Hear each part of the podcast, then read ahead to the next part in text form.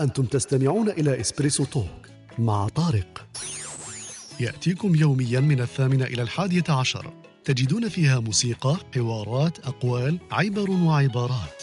استمتاع واستفادة يوميا. استمتاع واستفادة يوميا.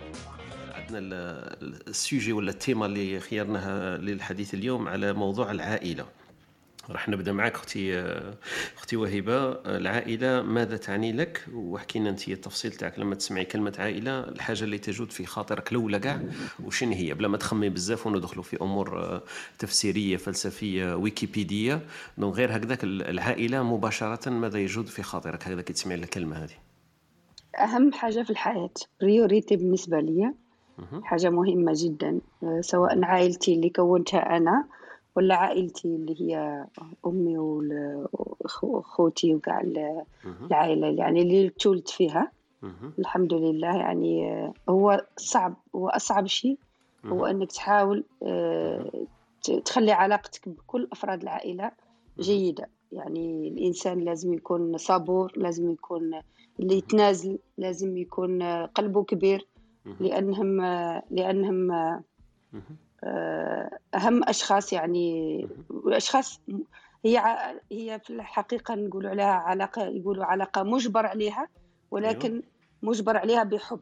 أنا ما نشوفش إنها إلزامية. نشوف حتى علاقتي مع إخوتي سواء أنا الكبار ولا الصغار. أنا الفرد اللي أنا الكبيرة في العائلة. دونك دائما نحاول نكون هذا الدور نتاعي نديه بجدية ون- ونبذل مجهود كبير فيه آه، خصوصا مع الإخوة. ال- لا تعرف أن العلاقات دائما في العائلة تكون معقدة. صح. معقدة ولكن الإنسان لازم يتنازل لازم يصبر آه، خصوصا لما يكونوا الوالدين آه، عايشين. يعني نعتبره جزء من بر الوالدين أنه الإنسان تكون علاقته مليحة مع إخواته. آه، لأنه أكثر حاجة ممكن تضر الوالدين تاعك يكونوا على قيد الحياة أن يشوفوا ولادهم ما يقدروش كما نقول لهم أنا دائما آه، أهم شيء هو أنه نقدروا نتجمعوا على مائدة واحدة في الأعياد وفي الأيام المهمة وكي كي نزوروا الوالدة يعني نكونوا قاع على مائدة واحدة وتكون الناس قاع تضحك. هذا هو أهم شيء. اللي يحب يبر والديه لازم تكون علاقته بإخواته تكون مليحة. هذا بلا ما نتكلموا على علاقة الوالدين طبعا هما آه، هما الجنة يعني بر الوالدين أهم حاجة عندنا. آه، لازم كيما صبروا علينا وإحنا صغار وكبرونا وكاع آه، الحمد لله لازم كي نكبروا إحنا تاني نحاولوا نعوضوهم هذاك الشقاء بقدر ما نقدروا ولو أنه مهما نعملوا ما نقدروش نودوهم ال- الدور نتاعهم كيفاش كبرونا ووصلونا لهذه الأيام. الجزء الثاني من العائلة هي العائلة اللي كونتها أنت الزوج والأولاد و يعني يحاول الإنسان أنه يربي ولاده كما القيم اللي راه هو يآمن بها طبعا. آه، وتكون علاقته يعني في الأسرة سو- الوالدين عندهم دور كبير لأنهم هم اللي راح أنا كي نشوفوا الأولاد مثلا عندهم مشاكل ولا آه، م- آه، سلوكهم مش مليح ولا حاجة أنا دائما نرد ال- اللوم على الوالدين لأني نقول هذا الطفل كي عطاه لك ربي يعطاه لك على فطرة آه، نتايا ك- كان ورقة بيضاء نتايا شكلته ولو أنه هذا الكلام يعني عند صحاب علم النفس يقول لك دائما يعني نسبي ولكن الإنسان يعني يحاول يكون اولاده ويربيهم ويعطيهم الوقت باش هذاك المجهود اللي يديروا من بعد يكون مثمر يشوفوا فيهم كي ينجحوا كي كي يوصلوا يعني وين راهم باغيين يكونوا في بر الأمان. هذا هو أهم شيء. أوكي. بارك الله فيك أختي وهبة. شكراً. لنا جولة في في العائلة المصغرة والعائلة المكبرة ولحقتينا حتى والديه يهودانه وينصرانه. ما شاء الله يعني عليك يعطيك الصحة. رأي بارك الله فيك. بسيط برك آه، ربي راي يحفظك إن شاء الله. ربي شكراً. يحفظك إن شاء الله أختي وهبة. آه، اللي حاب يدخل معنا معنا أكيد خونا عبد الحميد نرحبوا به في ال- في ال stage وخوتنا كلثوم. حميد صباح الخير. كيف. حالك؟ وأحوالك؟ آه، الأخضر نسمعك إيه الأخضر. اخويا صباح الخير الناس الكل أنا راني مرتبط بالعمل أنني دخلت آه الجامعة سامحني أوكي. لكن آه، عندي قلنا قلنا باختصار تعريف العائلة ما ت- ما تعني لك الأخضر قدامنا تروح ونخلوك.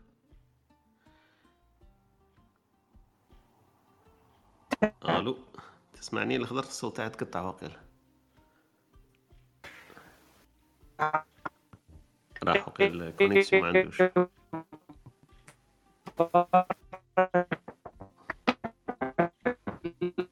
ما رانيش الصوت أنا عندي راه يتقطع بزاف مانيش عارف إلا انتوما كامل ولا أنا برك؟ لا راه يتقطع خويا طارق. أخت وهبه مرحبا بها وهذه أول مرة أنا ندخل.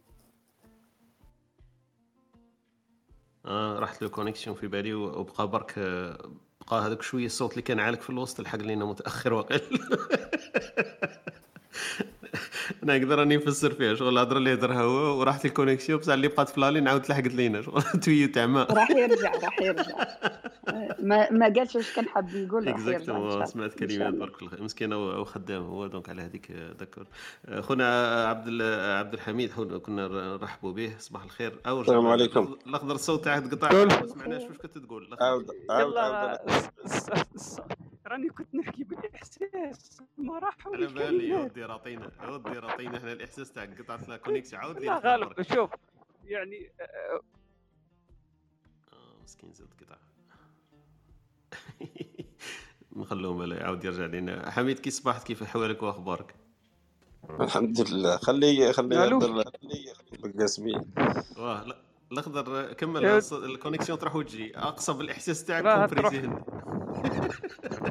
شوف الإحساس والحروف 28 حرف وعجزت أنني أنني اخلق يعني جمل. أجمل ما أيوة. قيل كانت تحكي فيه ال-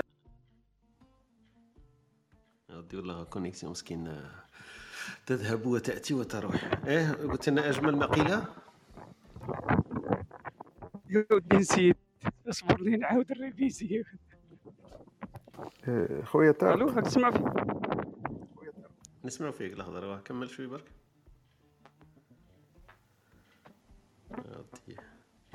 خويا طارق.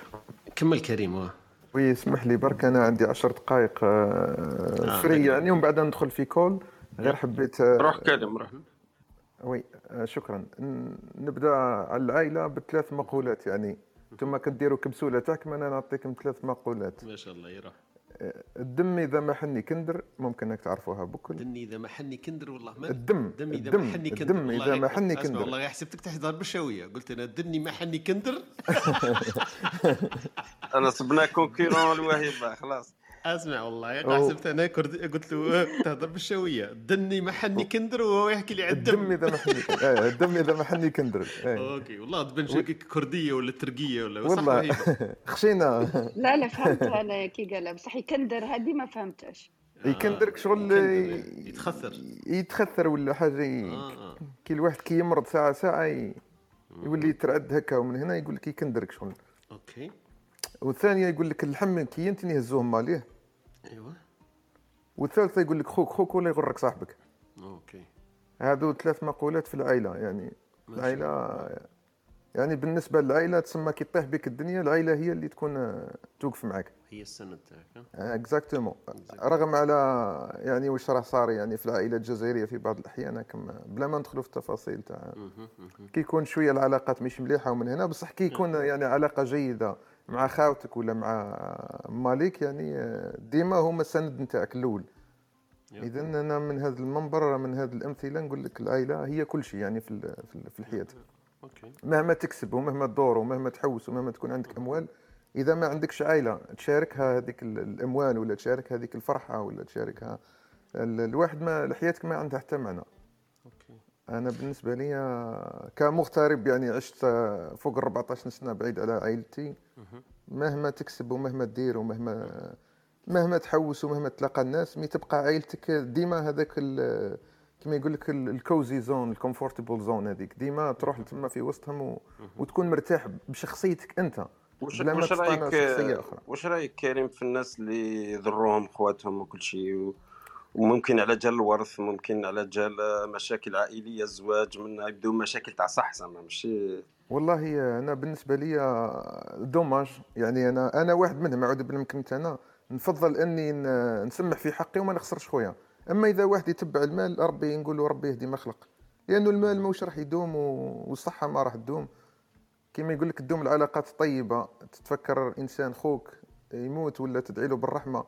أما ناس آه، اللي عندهم هذيك المادة ويحبوا يديو الورث تاع خوهم ولا يستولوا على ال- الرزق تاع خاوتهم وعائلتهم آه، نقولوا ربي يهديهم. parce que ما باش تربح معاه العيب ما, ما معناتها معنى يعني. قادر قادر الناس يصراو لهم مشاكل في عائلتهم وين ما يقدروش. آه، زعما كاين اللي عندهم صحابهم أكثر من خواتهم. est-ce que كاين هذا ال cas ولا لا؟ سي فري سي فري سي فري كاينة وماهيش يعني العلاقة مع العائلة مش مثالية. آه، في كل عائله كاين آه، عباد يا لطيف تلقى واحد من العائله يخرج ما- ماهوش خارج للطريق كما يقول لك خارج على الطريق.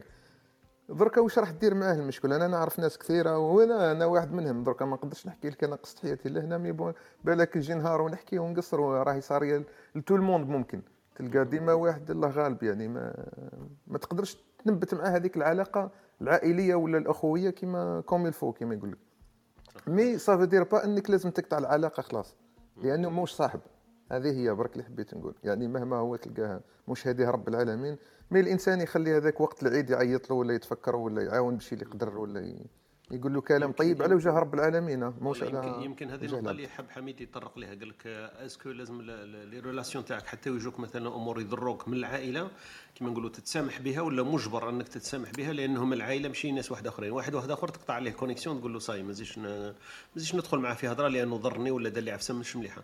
لكن لما تجيك من واحد من اللي إحنا نعتبروه العائلة كخو ولا عم ولا أهل ولا فما يكون الحال شوية صعيب في رده الفعل. كيف تتعامل معاه؟ لأنك مجبر في المع- المعاملة معاه ما تقدرش صحيح، صحيح. معاه كصديق واحد آخر اللي قال voilà ça y est بيني وبينك ما كانش وما نتفاهموش وخلاص. exactement في بالي هذا ولا النقطة اللي شوية صعيبة في لما يكون فيها العائلة تدخل فيها الخلطة هذيك تاع كما قلت لك الأمور العائلية تولي عائلة ما توليش ناس عاديين تتعامل معهم في بالي هذا اللي حب يوصل لي حميد. exactement خويا حميد. بالنسبة لي لازم شوية الواحد يحط من روحه برك وخلاص. مهما الإنسان هذاك مش هذه ربي يعني مش راح دير له ماكش تك- سيل تقطع معاه صله الرحم يعني ما جاتش. لا قدام ربي ولا قدام عباده. ما كانش عذر. خليه هو كما يقول لك اللي يتحمل الوزر هذاك تاع ال- العيب اللي قاعد يربح فيه. mais انت يعني ما نقولكش روح تلاقى به كل نهار. على الأقل عيد له في العياد و... والسلام عليكم. ما يوليك شغل أجنبي وخلاص. ت garder ال respect معاه. على وجه رب العالمين. وخلاص يعني ما إلى إلى هو هذاك ça dépend الإنسان هذاك واش نوع ال- ال- العقلية تاعو. parce que كاين عباد هما بعد ما يحبوش العائلة تعيط لهم لا في العياد ولا في في أي شيء. أنا نعرف ناس بزاف كيما هيك. تروح عنده يطبطب عليه في الدار ما يحلش عليك الباب. يعني malgré انت جاي غير طل عليه. ماكش محتاج منه لا أموال ولا كيما يقول لك شيء. mais الله غالب واش راح نقول لك. هذه مشاكل شائكة في العائلات الجزائرية نشوفها ساعة ساعة بات يعني حوايج من والو يديروا عليهم قبة كما يقول لك. هاو ما عيط ليش التليفون ولا بعث لي SMS يعني إحنا شوية الشعب الجزائري عاطفي كثيرا مش ماشي غير في العائلات الجزائرية. إيه شفت يعني هذه في العائلات السويسريه كاينة normal عادي إيه إيه إيه. أنا أنا عشت في بولونيا بزاف تسمى نقول لك على العائلات البولونية الناس باردة. يعني قادر باباه مثلا حاشاك ما حاشا قدرك مسكرجي يلقاه مطايش برا ما عملوش به. يعني même يموت الناس بزاف نعرفهم يجيو في الخدمة يقولوا لي بابا مات اليوم وجاي يضحك ها. يعني عادي خلاص شغل مات ممكن يموت القط نتاعو ولا ال- ولا ولا الكلب تاعو حاشاك ما تلقاه يبكي عليه وليولي يبكي على باباه. بحكم أنهم هذيك تربوا على هذيك الثقافة أنه الأب بيولوجي ولا مم- ما نقولكش كل mais الأغلبية الساحقه يعني عكس حنا في الجزائر مهما يكون باباك يعني méchant معاك ولا ما نبليش أنك فيه دار وربي سبحانه ولا قال لك ولا تقل لهم اف كما يقول ولا تنهرهما وقل لهم قولا كريما. سمحوا لي الآية مانيش حافظها par cœur mais آه، المهم tu vois donc ها ربي سبحانه وصل العائله تسمى مهما يقول لك ومهما يديروا فيك شر ولا حاجة ما تكونش أنت كيما هما. parce que إلا طحت في الفخة هذيك خلاص. يعني وليت كيما هم وراح تتفكك العائلة وخلاص. وسمحوا لي الا طولت معاكم في لا لا الهضره لا بالعكس نو بالعكس. راك اثريت كما نقولوا الحديث تاعنا تاع ال- ال- العائلة. لكن أنا حبيت نشوفها بمنظور واحد آخر كما نقولوا العائلة قاعدين لما تروح عند مجتمعات واحدة أخرى بل- بلا ما نربطها بالمجتمع الجزائري. قال عائلة وخلاص كما نقولوا هكذا برك. العائلة أنا نقدر نشوفها كاين مفاهيم واحدة أخرى تتجسد فيها كلمة تاع العائلة. ماشي العائلة برك هي ال- اللي نعرفوها إحنا الأب والأم والخالات والعمات وهذيك. كاين مثلا واحد يقول لك إحنا في الخدمة راه نحس روحنا شغل عائلة. donc هو كي تشوفه ي défendi في ال projet تاعو ولا في العمل تاعو حاس روحو بلي عنده شغل مفهوم عائلة يهدر باسم الشركة تاعو ولا ال product تاعو. كانه شغل داخل فيه. لما واحد مثلا نقولوا مثلا ناخذوا ماركة من الماركات ويكون هذوك الناس يهضروا عليها. هو يحس روحهم كانوا شغل مسيت لواحد من العائلة تاعو. نديروا مثلا الناس اللي تخدم في ال ERP ولا في في product كيما هكذا تكون تسب له هذاك ال product هو حاس روحه باللي ينتمي لهذيك العائلة. الناس مثلا اللي تعرف ابل ولا مايكروسوفت لما تقول له fanboy تاع ابل ما يحبش هو تهضر له على العائلة تاعو. فهمت؟ donc من هذاك الباب مفهوم تاع العائلة يقدر يتطور يكون élastique يقدر يطول يتوسع يروح لحوايج واحدة أخرى ويقدر يرجع المفهوم هذاك اللي إحنا نعرفوه كامل هو الأخ والأب ولا كذا بس عجبتني كريم المقولة اللي قلتها قبيل قلت العائلة تبقى في البلاد وأنا عندي 14 سنة وكل شيء. أنا حبيت نروح معك في واحد الجهة إنه est-ce que العائلة نتاعك لما تبعد عليها خلاص راك بعيد على العائلة تولي العائلة تاعك par distance هذيك العائلة اللي لهيه اللي ورا البحر. est-ce que ما تشوفش اللي قادر دير عائلة أنت في البلاد اللي راك عايش فيها وتنميها واحدة أخرى تولي عندك صحابك تولي عندك آه، نساب تولي عندك ولادك. هذه نسموها عائلة. أكيد ما مش خوالك وعمامك ما عندكش صلة الدم لكن تقدر تسميها عائلة لأنه مستحيل لكن واحد ما يقدرش يخرج من العائلة باش يعيش كيما الحوته ما تخرجش من الماء باش تعيش donc انت مادام خرجت من هذاك العائلة تاعك آه، أنا نشوف فيها كيف والله يا خويا طارق نعطيك عندي زوج دقائق نجاوبك برك على السؤال هذا يعني très important يزيد فضلك. آه، بالنسبة لي يعني قلت لك العائلة المشكل حتى وتعيش في بلاد خلاف وتكون عائلة يعني تزوج ودير أولاد والله ما نكذبش عليك عمرهم بالعمر ممكن ما راح يعوضوا العائله تاعك اللي كبرت فيها ممكن. لأنك عندك ذكريات طيبة جدا معاهم وكبرت بواحد الشيء. لأنك القيم اللي دركا راك عندك أنت كرجل راك راك استمديتها ولا تعلمتها من هذيك العائلة. إذا هذيك العائلة ما ربتكش يعني تربية حسنة ما ممكن ماكش راح تتفكرهم. ومن بعد قادر تزوج وتكون عائلة. وتسمح في هذوك العائلة اللي رباو كما يقول لك بصح أنا بالنسبة لي مهما تزوج ومهما دير دار ما نعرف ربي يعلم. أنا كنشوف فيها كما هكا. بعد الأب والأم ولا ممكن قادر يكون الخاوة ساعه ساعة تعرف ما نقولكش بالك ممكن راح تفضل exactement يصراو يصراو يعني هذه هذه حياة الإنسان يعني. ساعة تكون في mood مليح ساعة ما تكونش في mood مليح. donc ça dépend mais ما بالنسبة لي أنا عمرهم بالعمر لا راح ممكن الزوجه بالك الأولاد مع الوقت كي تولي ما عندكش والدين ولا يموت ويتوفى ولا حاجة ممكن تولي attaché beaucoup plus لهذوك العباد اللي راك عايش معاهم يعني اولادك وزوجتك أكثر من الوالدين. أنا هكا نشوف فيها. لأنهم الوالدين عمرهم ما كانش حاجة تعوضهم في الدنيا هذه. وشكرا. وسمحوا لي أنا دوك ندخل الكول.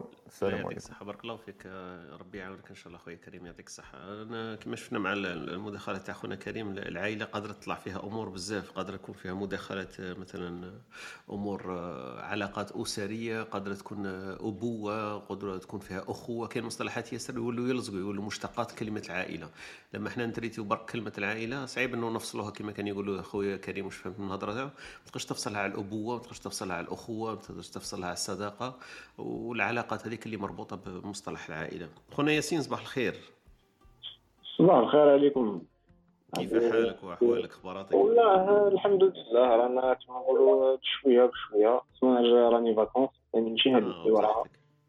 ما راني قاعد نهز في la charge de travail هذه طلع من لسبتمبر نخلصها درك هكا باش كي نروح vacances ما ي dérangi نيش يعني. على كل حال اخويا بصحتك إن شاء الله. وأنتم واش راك والله في العوافي خصيتنا انت برك في المداخلات تاعك النارية هذيك. بصح راني نشوف فيك وليت citoyen du monde ما شاء الله عليك. أما أنا شغل حسيت حسيت بلي drapeau تاع الجزائر ماشي représenté فيها ليا ما تاع إيه؟ هي درت درابو تاع لي بيرات مع الأول. ما قبلوهوليش هادو آه لا في منازعات أنت يسمى يقبلوه ما يقبلوش. لقيت ملا الاخف الضررين يديروا لنا هذا الأزرق مال هذا هو قال قال شغل فوالا. ما يامنش لي فرونتير جي كما. آه خويا يعطيك الصحة بصحتك ياسين قلنا مصطلح المداخلة تاعنا تاع العائلة قبل ما نروحوا الكبسولة الثقافية مع أختنا وهبة نكملوا معك مصطلح العائلة. ماذا يعني لك؟ لما تسمع كلمة العائلة واش تعني لك انت بلا ما تخمم بزاف زعما هكذا. عائلة directement الكلمات الأولى التي تتبادر إلى ذهنك. أنا pour moi هو كما نقولوا كيف يقولوا le soutien soutien ولا la présence ولا كيفاش نقول هو يعني هو مصطلح لا عائلة كما نقولوا إحنا على عائلة وماشي حاجة أخرى parce que راهو عبر الزمن يعني شوف par exemple واحد كان من العائلة تاعك عنده 10 سنين يقدر يبقى من العائلة تاعك toute sa vie سا كوبي اسمه لي بون كما راكم تقولوا قبيل. ما سي با وثاني هي حاجة ما خيرتهاش جينيرالمون يعني ما من الأصدقاء هذوك اللي يقدروا من بعد تحس بهم من العائلة تاعك ما خيرتهمش جينيرالمون تلاقاهم مع بارازار ومن بعد تكون هذيك الصداقة ومن بعد تافونسي بان لي بلي ما عندنا حتى دخل فيها سما سي انديبوندون دو نوتر ما تانفلونسيها صح صح après لا أنا سمعت قال كريم لا غير يعطيه الصحه قصه جد حزينه أنا بصح كي خرجت من الجزائر قلت لهم الورك ديوه ديوه واش حبيتو أنا ما عندي ما ندير نساوني برك totalement قلت لهم démissionnez بصح ما تنحونيش إيه parce que شغل كانوا صارين هاد المشاكل. قلت المهم أنا ما تحسبونيش في مشاكلكم. وكل واحد كل واحد وطريقه.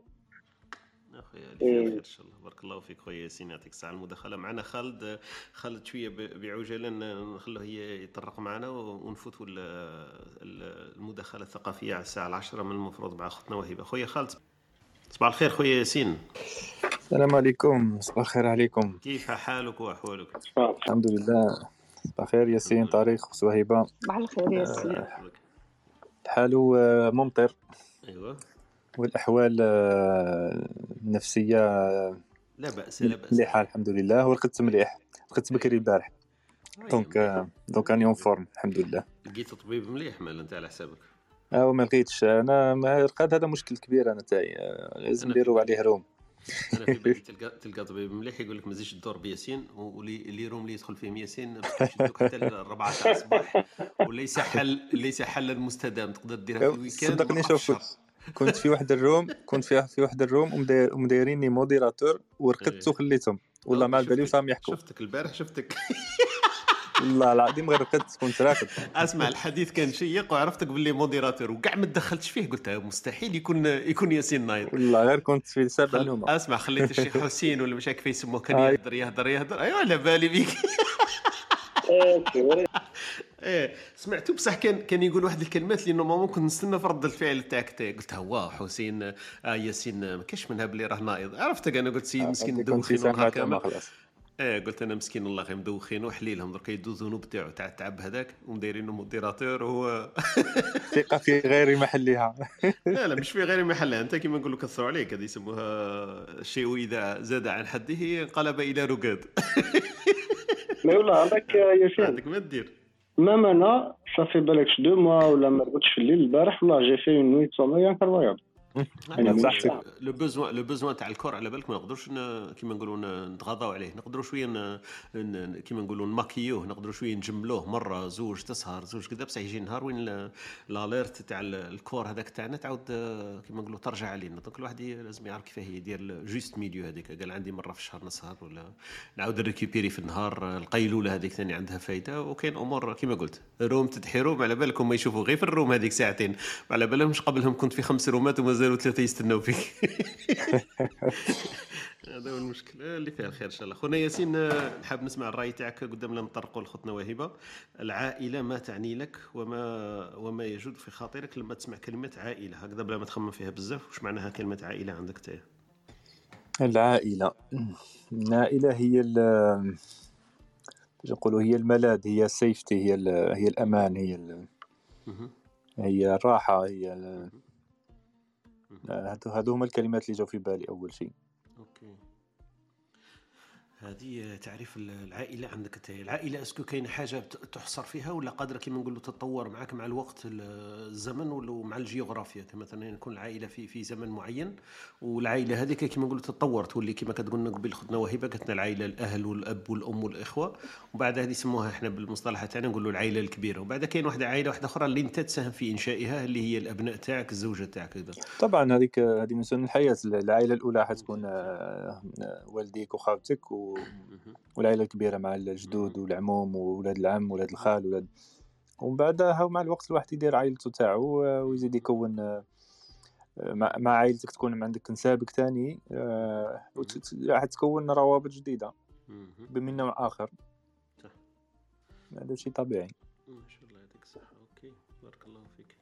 donc بدون إطالة إلا ما عندكش ما تضيفه نشوفوا اختنا كلثوم وقيل كلثوم راحت. donc قلت أنا كلثوم نعطيها الكلمة on sait jamais parce que طلعت معنا.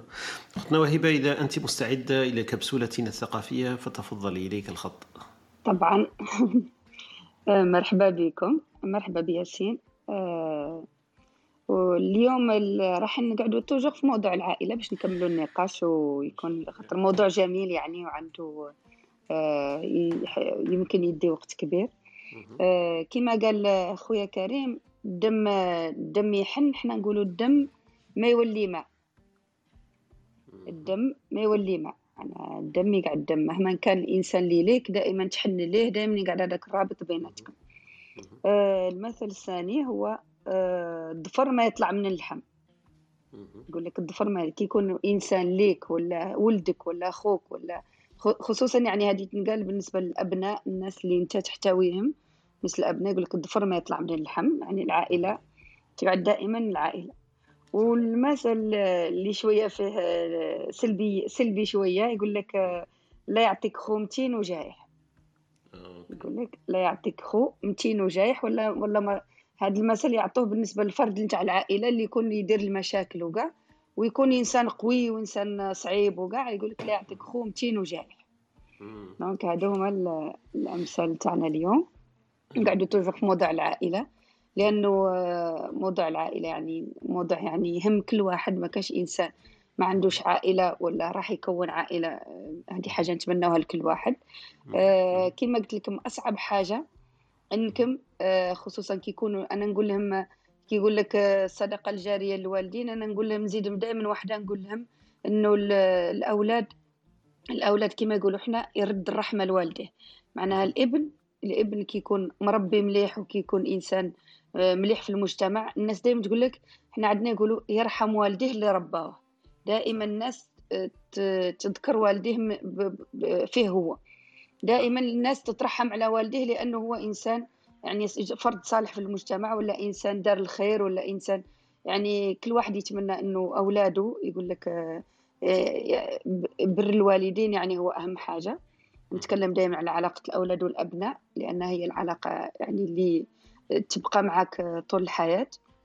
يقول لك آه، آه، ربي يرزقك بر والديك لأنه بر الوالدين يعني يحتاج المجهود رغم أنه أولادنا حبهم لنا كان يعني طبيعي وسهل. أي ما كانش يعني تقريبا نادرا إذا كان الإنسان مستوي الإنسان ما يحبش أولاده. ولكن الأولاد دائما يحبوا والديهم ولكن بعض الأحيان لازم يبذلوا مجهود في هذه العلاقة. صح. آه لأنه الإبن مهما كان يشوف روحه يقدر مستحيل يحب والديه كما هما يحبوه هذه حاجة يعني طبيعية. لذلك الأبناء لازم يبذلوا مجهود في علاقتهم مع والديهم ويتذكروا إنهم دائما صبروا عليهم وإنهم هما كبروهم وصلوا هذاك النهار. آه وكذلك ممكن كي يكون هو إنسان صالح هذيك نوع من بر الوالدين لأنه الناس دائما تتذكر والديك بك هذه حاجة نقول. وأهم شيء أهم شيء بالنسبة لي مثلا الصورة تاعت العائلة. لو كنت تتذكروا كي كنتوا صغار كنتوا دائما مع بعض بصح كي تكبروا يكون كل واحد في بلاد كل واحد في بلاصة صعيب صعيب إنه الناس تلاقى في صورة واحدة. الأب والأم والأولاد هذيك حاجة صعيبة. يعني دائما كاين واحد غائب. أنا كي كي نتلاقاو كاع في صورة واحدة يعني من بعد غياب وكاع على بالك عينيه يدمعوا. لأنه زعما حاجة نادرة. كما قلت لك المائدة نكونوا كاع المائدة حاجة صعيبة. ونكونوا كاع في صورة واحدة هذه حاجة صعيبة. نتمنى نتمنى تكون افادت المداخلة نتاعي يعني عجبتكم. شكرا. صح. بارك الله فيك يعطيك الصحة. مداخلتك كما كل يوم ما شاء الله عليها. حكاية الأمثلة تمتعينا دائما بالأمثلة تاعك. نعاودهم برك بعجالة هكذا مع اللي التحقوا بنا عندنا كبسولة ثقافية مع أختنا وهبة اليوم اللي جاتنا بحلة من الأمثلة باش نكملوا بها موضوع العائلة. قالت لك الدم ما يولي ما هذا مثل يطرق تقريبا في المناطق تاع الجزائر كامل. وماذا بينا أي واحد يعود عنده مثلا مثل يشابه هذا ولا يقوله في المنطقة تاعو؟ في هذاك نفس المناسبة يطرفنا ولا يمتعنا المثل كيف يقولوا في الجهة. تاعهم المثل الثاني اللي قالت لنا قالت صفر ما يطلع من اللحم. هذا ثاني مثل يطلق تقريبا في مناطق عديدة. يقول لك باللي صفر ما يطلعش من اللحم آه تعبيرا عن واحد ينتمي للعائلة يبقى ينتمي منها. معناها ما نقدرش ما يقدرش هو يتبدل ولا إحنا نتخلاو عنه بسهولة. آه هذا مثل يطرح ثاني في هذا السياق. والمثل الثالث اختنا وهبه قالت لك باللي شوي سلبي يقول لك لا يعطيك خو متين وجايح. معناها خوك يكون متين. مليح لكن لما يكون جايح مشكل لأنه هذاك المتين تقريبا يكون شوية معنزز دائما صعيب إنك أنت كما نقولوا تقنعه ويجيب لك المشاكل. تسمى المشاكل هذوك اللي يجيبهم لك هذاك الخو اللي متين مربوطين لأنه جايح تسمى دائما كاين مشاكل. ما كانش حوايج مليحات مليحات تتكلفي عليها. دونك هذو الأمثلة اللي اللي متعتنا بهم خوتي وهيبة. أنا في سياق الحديث تاعك بركي ما قلتي العلاقة بين الأبناء وعندهم العائلة هذيك والأبوة لازم يحبوا الأهل تاعهم. إحنا كاين واحد المثل اللي يتداول هنا مانيش عارف في المعنى نتاعو لأنه أني نترجم فيه في راسي. يقول لك الأولياء تاعك ولا الأهل تاعك هما أحسن أولياء؟ عندك واحد اللاج أنا نشوف فيه بلي تطور زعما علاقة متطورة مع الوقت. اللاج هذاك تاع الطفل لما يعرف يحس هكذا من سن ثلاث سنين إلى سبع سنين الأول الأب والأم تاعو هما أحسن آباء في العالم سما يروح لهم في كل مره يعيط لهم. ومن بعد تلحق واحد لاج هذاك تاع 10 سنين 13 عام يولي يقول لهم ما يحبش يشوفهم في ليكول ما يحبش يشوفهم مع أصحابه يشغل يولي يحشم بهم. هذه تلحق العلاقة. يلحق العلاقة بين 13 و 18 يقول لهم الأعداء اللدودين اللي هو؟ سما أي حاجة يديروها الأهل ما يفهموش ما يعرفوش ما مش فاهمين. سما هذيك الفترة المراهقة هذيك يولوا بالعكس ينكرهم قاعدين. تفوت واحد الفترة تاع بين 18 ل 25 يولي يستشيرهم. أنا راح ندير الدراسة الفلانية راح ندير الدبلوم الفلاني راح نشري السيارة الفلانية عندي علاقة بصديقي هذا واش رأيكم فيه؟ تفوت هذيك فترة ال 25 تولي أروح تروح تشري معايا الخاتم. روح تشري معايا سيارة راح نشري دار عاوني فيها. ومن بعد يرجعوا الأولياء تاعك تبقى هذيك العلاقة سما في أخذ وعطاء. سما ساعات تنكرهم قاعدين وساعات تتقرب لهم بأقصى درجة. وما نهضروش على هذيك تاع 25 روحوا تخطبوا لي ولا تجوا معايا ولا يزوخ بأهل تاعو. أنا بابا ما يديرش ها كان الأولياء تاعي أحسن من الأولياء تاعكم. آه، في حكاية تاع نساب ولا في حكاية هضره يولوا أولياء تاعو. عندك تهضر لهم له بحاجة عيب. donc أنا نشوف فيها باللي في علاقة متطورة هكذا عبر الزمن وعابرة لل عبر الفترات تاع الحياة تاع الإنسان. donc لما يكون طفل لما يكون مراهق لما يكون شاب لما يكون آه، كهل كما نقولوا لما يكبر قاعدين تولي واحد العلاقة آه، كل ما تزيد هي كل ما تزيد تتحسن وتتوطد أكيد. لكن في فترات هكذا تقص هذيك تنقص هذيك الانتونسيتي كيف نسموها هذيك الشدة هذيك تاعها تاع الرابطة العائلة بين الأهل والأولاد. هذه اللي حبيت نضيفها. يطلع معنا أخونا بوعلام. بوعلام أهلا وسهلا بك. صباح الخير عليكم السلام عليكم. صباح الخير. خويا أبو علام مداخلة في في مجال الأمثلة تاع اختنا وهبه ولا عندك تعليق ولا إضافة في حكاية العائلة؟ ما تعني العائلة في نحكي على العائلة بصفة عامة يعني. تفضل خويا. أنا عندي العائله تاعي déjà صغيره عندي أنا العائلة مزوج وعندي ثلاث أولاد الله يبارك. الله. يبارك. وعندي العائلة ثاني الكبيرة الحمد لله ثاني مازالوا كل كاينين الحمد لله. كي بابا كي يما كي خاوتي الحمد لله. اسمها بغيت أنايا نمد une autre nuance يعني من الصباح حنا نحكيو على العائله العائله صح العائلة هي الملاذ bien sûr للانسان و... والعلاقة الأولى اللي يكونها في حياته هي مع خاوته مع باباه مع يماه تبقى دائما دائما العائلة عندها كما نقولوا حنايا مهما الإنسان يمشي ويتعرف على ناس ويعرف ناس يبقى دائما يولي لهذاك الحنين هذاك تاعو تاع العائلة. كي يدخل يعاود يشوف باباه ولا يعاود يشوف يماه والله تبان حاجة. شغل أكبر التطلعات تاعو surtout كي بعد كي بعد عليهم شوية. أكيد. بصح أنا بغيت نمد une autre nuance قلت لك. surtout هذه surtout في المناطق الداخلية تاعنا حنا والآخر. وين العائلات يبقاو مع بعض. يبقاو يكملوا مع بعض تكون مثلا كما نقولوا إحنا الأب والأم ومن بعد يجي العائله واحد يكون العائله تاعو يبقاو مع بعض. حتى ما يبقاوش كما نقولوا إحنا مع بعض في نفس تكون كاين مثلا كما نقولوا إحنا يستيع ويكونوا كاين des étages ويكون كاين خاوة كل واحد ب étage ولا الآخر هكذا ولا دي زابارتمون ويبقاو شغل يكونوا مع بعض كما نقولوا إحنا دار واحدة هنا وين نشوف شغل شوية يوليو يشكلوا شوية الآخر عندنا إحنا في المجتمع تاعنا كاين الأبوة الزايدة شوية. شغل نبقاو نحبوا دائما نبقاو آه، مسيطرين على الأبناء تاعنا يبقى دائما الإبن قاصر في نظر العائلة تاعو. وكما قالت نقطة هايلة قالتها وهبه فكرتني في العائلة في التجربة الخاصة تاعي. هي دائما آه، كما قالت لك لازم نحبوهم ولازم لهم.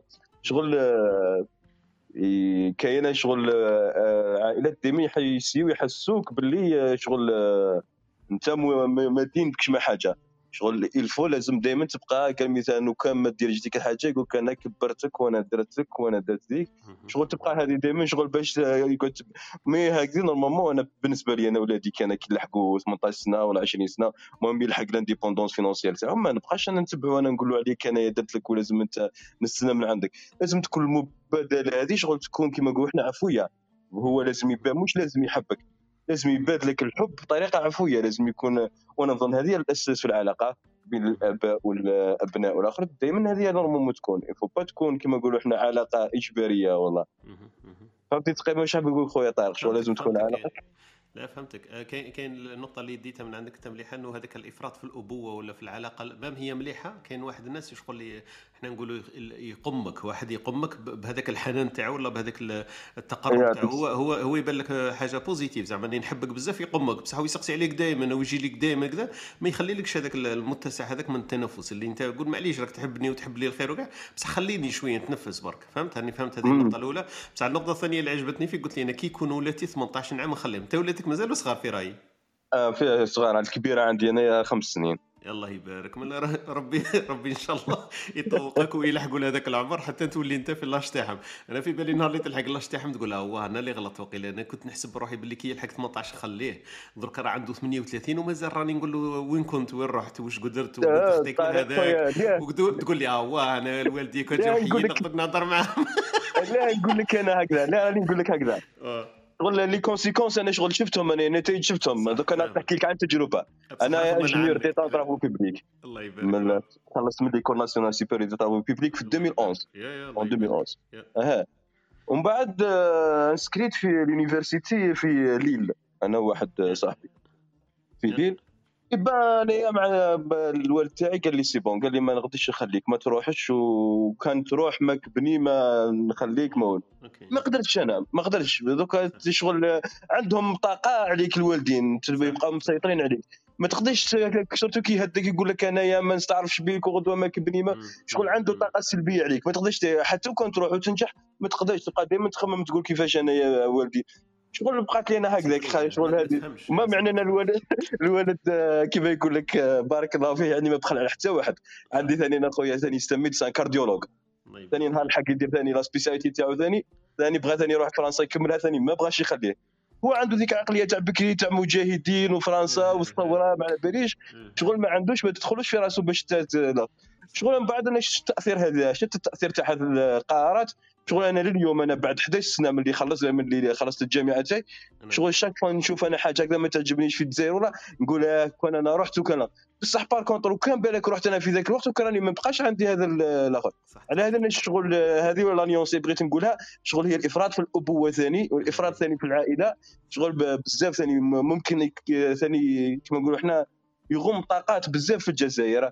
وشطرته في المناطق الداخلية. المناطق الداخلية الظاهرة شغل كاينة بزاف. أنا شغل شايفها غير في العائلة تاعي في المحيط تاعي كاينة بزاف هذه الظاهرة هذه صح صح. بارك الله فيك خويا أبو علام ما شاء الله. المداخله تاعك في القمة. أنا عجبتني هذيك تاعي تاعي قمك يقمك بالحنان كما قلنا هكذا. يقمك بالحنان تاعو. سما ما يخليكش كاع تنفس أنا درك درك نستنى في خويا عبد الحميد. من بعد كيف هي يفسر لنا هذاك الأبوة الزائدة هذيك اللي ما تخليكش كاع تتنفس ولا وهو كيف راه يشوف فيها؟ الأب أنا حاب المداخلة كيف تاع حميد يقول لنا البي هذاك كيف راه يشوف فيه بنو؟ زعما بنو طول طون. زعما دائما يبقى هذاك هو الطفره اللي مازال صغيرة وعندك 10 سنين. عندك 50 عام تبقى أنت هو لازم تستشيرني ونرجع لك وتقول لي وأنا واش نقول لك ويعطيك هو les paramètres اللي ما حتى بالك ما تسألوش. هو يقول لك كيفاه دير؟ donc حتى تبقى مولا 40 عام 50 عام آه، مانيش عارف أنا الناس كيف يفكروا. بصح كما قلت لك أنت كاين أمور اللي اللي إحنا نقولوا هذه ما نديرهاش بصح يجي وين نهار آه، وين الله غالب. آه، مانيش عارف أنا تولي تظهر لك لأنه أنت شفت هذاك شفت هذاك الاثار السلبية تاعها تقول ما نديرهاش. لكن مانيش عارف كيف. est-ce que صح نلحقوا لي هذيك الشجاعة هذيك. البارح كان عندنا ال sujet تاعنا كان على الشجاعة. est-ce que يكون عندنا هذيك الشجاعة إنه ما نديروش ما داروا والدينا. ثاني نقطة تاع حوار في في في أيام قادمة إن شاء الله. آه، شكون اللي حاب يتدخل مش عارف ياسين ولا حميد يدخلوا معنا في فيما قاله خونا بوعلم والله غير ولا ياسين الأخر. نخلي ياسين تفضل تفضل ياسين لا لا والله أنا قلت البارح نخليك تهضر اليوم ربي يعيشك. لا لا أنا معاه اخ علام في هذا سواء من الآباء ولا الأمهات الجيل القديم توارثوا واحد الأمور هكذا ماهيش صح هما والدينا ونحبوهم وكذا وطاعة الوالدين من الدين تو بصح ساعات هما يستغلوا هذا الشيء بين قوسين بعض الآباء يعني بعض الأمهات ربي يغفر لهم يستغلوا هذا الشيء باش ي... آه، البعض إيه. باش يمروا أمور ويدخلوا في حياتك يعني كاين حتى أمهات تروح لولدها تقول له طلق مرتك ولا مانيش أمك ولا حتى قادر يضا ظالمها يعني وهو مسكين يولي يولي بين بين أمه وبين وبين مرته ومن بعد في الاخير يولي يطلق مرته على أمور ممكن ما تستاهلش أصلا. ويدخلوا في أمور شخصية وامور حتى في أمور خاصة جدا بين بين الرجل وزوجته كاين أمور هكذا ما زالت ما زالت بعض الناس يعانيوا منها يعني. و آه، ودائما يستغلوا هذيك اللي آه، القداسة نتاع العلاقة تاع الإنسان بابوه وأمه. لأنه الإنسان لازم دائما يحب يرضيهم يرضيهم وساعات يرضيهم حتى في في, في الشر ولا في حاجة اللي ما لازمش. وهذه ثاني كاين مشكل هنا يعني صراحة نكون آه، إن شاء الله الواحد يتعلم من من الأخطاء تاع تاع الناس وما ما يطبقهاش في ولاده هذا ما كان. صح. مي أنا أنا ساعات كما نقولوا كاين واحد هذاك المثل مشاك فيه يقولوا جد لأخيك عذرا ولا آه، ما عارف عفسك من هاك. أنا الأباء هذو ساعات نجي نحوس لهم على أعذار. ساعات نقول الأباء هذو آه، حالة من الاثنين. يا الاولى هما شافوا الأباء تاعهم يمشوا هكذاك donc هما عايشين في الثلاثينات في الاربعينات يقول لك أنا بّا كان يقول لي دير ندير. donc أنا علاه دركا بني كي نقول له دير ما يديرش. donc هو ما يفهمش القاعدة وراهي البوصلة علاه تبدلت دركا. أنا كي كانوا يقولوا لي دير ندير. هذه شق من الناس. عارفين باللي هذه هي المسار الطبيعي للأمور أنه الأب يقول لابنه ولا الأم تقول لابنها ديري يدير donc هذه في العائلة نحكوا على العائلة. وكاين الشق الثاني من الأهل هذول اللي نحكوا عليهم شوية هذو متغطرسين في في الأبوة تاعهم ولا في آه، مفهوم العائلة عندهم. إنه ناس بالعكس هو كان لما كان هو صغير كانوا مثلا آه، حب ينتقم بين قوسين. حب ينتقم من المجتمع. قال أنا كي كنت صغير كانوا يقولوا لي دير ودير ورغم أن هذه المرأة ما كنتش حاب نتزوج بها رغم أن هذه الدراسة ما كنتش حاب ندرسها رغم هذه الدار ما كنتش حاب نشريها هكذا كانوا يقولوا لي دير. ما أنا شغل سكارة هكذا أنا ثاني وليت كي يكبروا لازم أنا نبرد قلبي أنا ثاني نقول لهم ديروا لأنه هو يديرها في اللا شعور. أكيد مش يدير فيها هكذا بالعاني لكن في اللا شعور تاعو أنا مادام هو كنت راضي ومستطاع الأهل تاعي والعائلة كان عندها تأثير كبير لما نكون في مركز القيادة لما نكون في ال speakers لما نكون الفوق ما نقدر ندير واش نحب أنا. خليهم أنا أنا ثاني ولات نعفس عليهم وندير لهم كذا بحجة أنه كي كنت أنا صغير ثاني أثروا عليا في أمور وقبلتها ورغم أني ما كنتش راضي بها. أنا تبان لي هكذا واحد مش عارف أنا واحد العذر هكذا اني ساعات نحاول نلقاه الأهل هذا ولا الآباء اللي شوية متغطرسين في في مفهوم الأبوة ولا الأمومة. نحكوا على العائلة بلا ما بلا ما نروحوا في العلاقات اللي كما نقولوا اللي مش مستوية بين الأولاد والآباء. هذه ما حاب ندخلوا فيها لأنه هذاك مجال واحد آخر كامل. رجعت معنا أختنا كلثوم أهلا وسهلا بك وخونا خالد. آه، قبل بر من ما نعطيك لهم الكلمة عبد الحميد آه، راك رحت وعاودت رجعت معنا مش عارف إذا استمعت واش كان يقول خونا أبو علام ولا لا؟ استمعت آه، على التدخل تاع والديه في حياته صح؟ فوالا هو جاب لنا جسم هو جاب لنا واحد النقطة ما كناش متطرقين لها. قال لك هذوك كاين الآباء ولا العلاقات العائلية اللي تكون شوية متغطرسة ولا تكون زايدة فايضة على الحد تاعها هي علاقة حب وأبوة وامومه وكاع بصح ساعات تكون شوية مش عارف كيف نلقى المصطلح هذاك بالعربية. نقولوا إحنا تقم ولا تغم حاجة زعما مش عارف إذا تقدروا تلقاو لي مصطلح يشبه له. تغم هذاك الإنسان هذاك ما تخليش يتنفس. يا في العلاقات الأسرية تاعو يا في علاقة العمل يا في علاقة علاقه أمور كيما هكذا هما يجيبوها عن حسن نية زعما عن طيب قلب يقول لك هكذا ما تروحش هذيك البلاصة ما تقراش. تقول له راح لفرنسا مثلا يقول لك ما تروحش. تقول له راح نتزوج بهذيك البنت يقول لك لا لا ما ديرش. تقول له راح نشري هذاك البيت يقول لك لا ما تشريش هذاك البيت. هو بصح يغمك أنت كون ما يقول لك الله يسهل عليك أنت بالعكس بالك هو الطاوع رأيه. لكن هو يتغطرس عليك في في علاقات زائدة حميمية زائدة عن حدها. هذه كاينة منها. خاطش أنا يدعوا الشر من عند يما أنا كي جيت رايح لوروب قالت لي دعوه الشر حميد قال لك أنا مدي زعما ديروا حسابكم. ديروا حسابكم راني مدي واحد جوج ولا ثلاث دعوات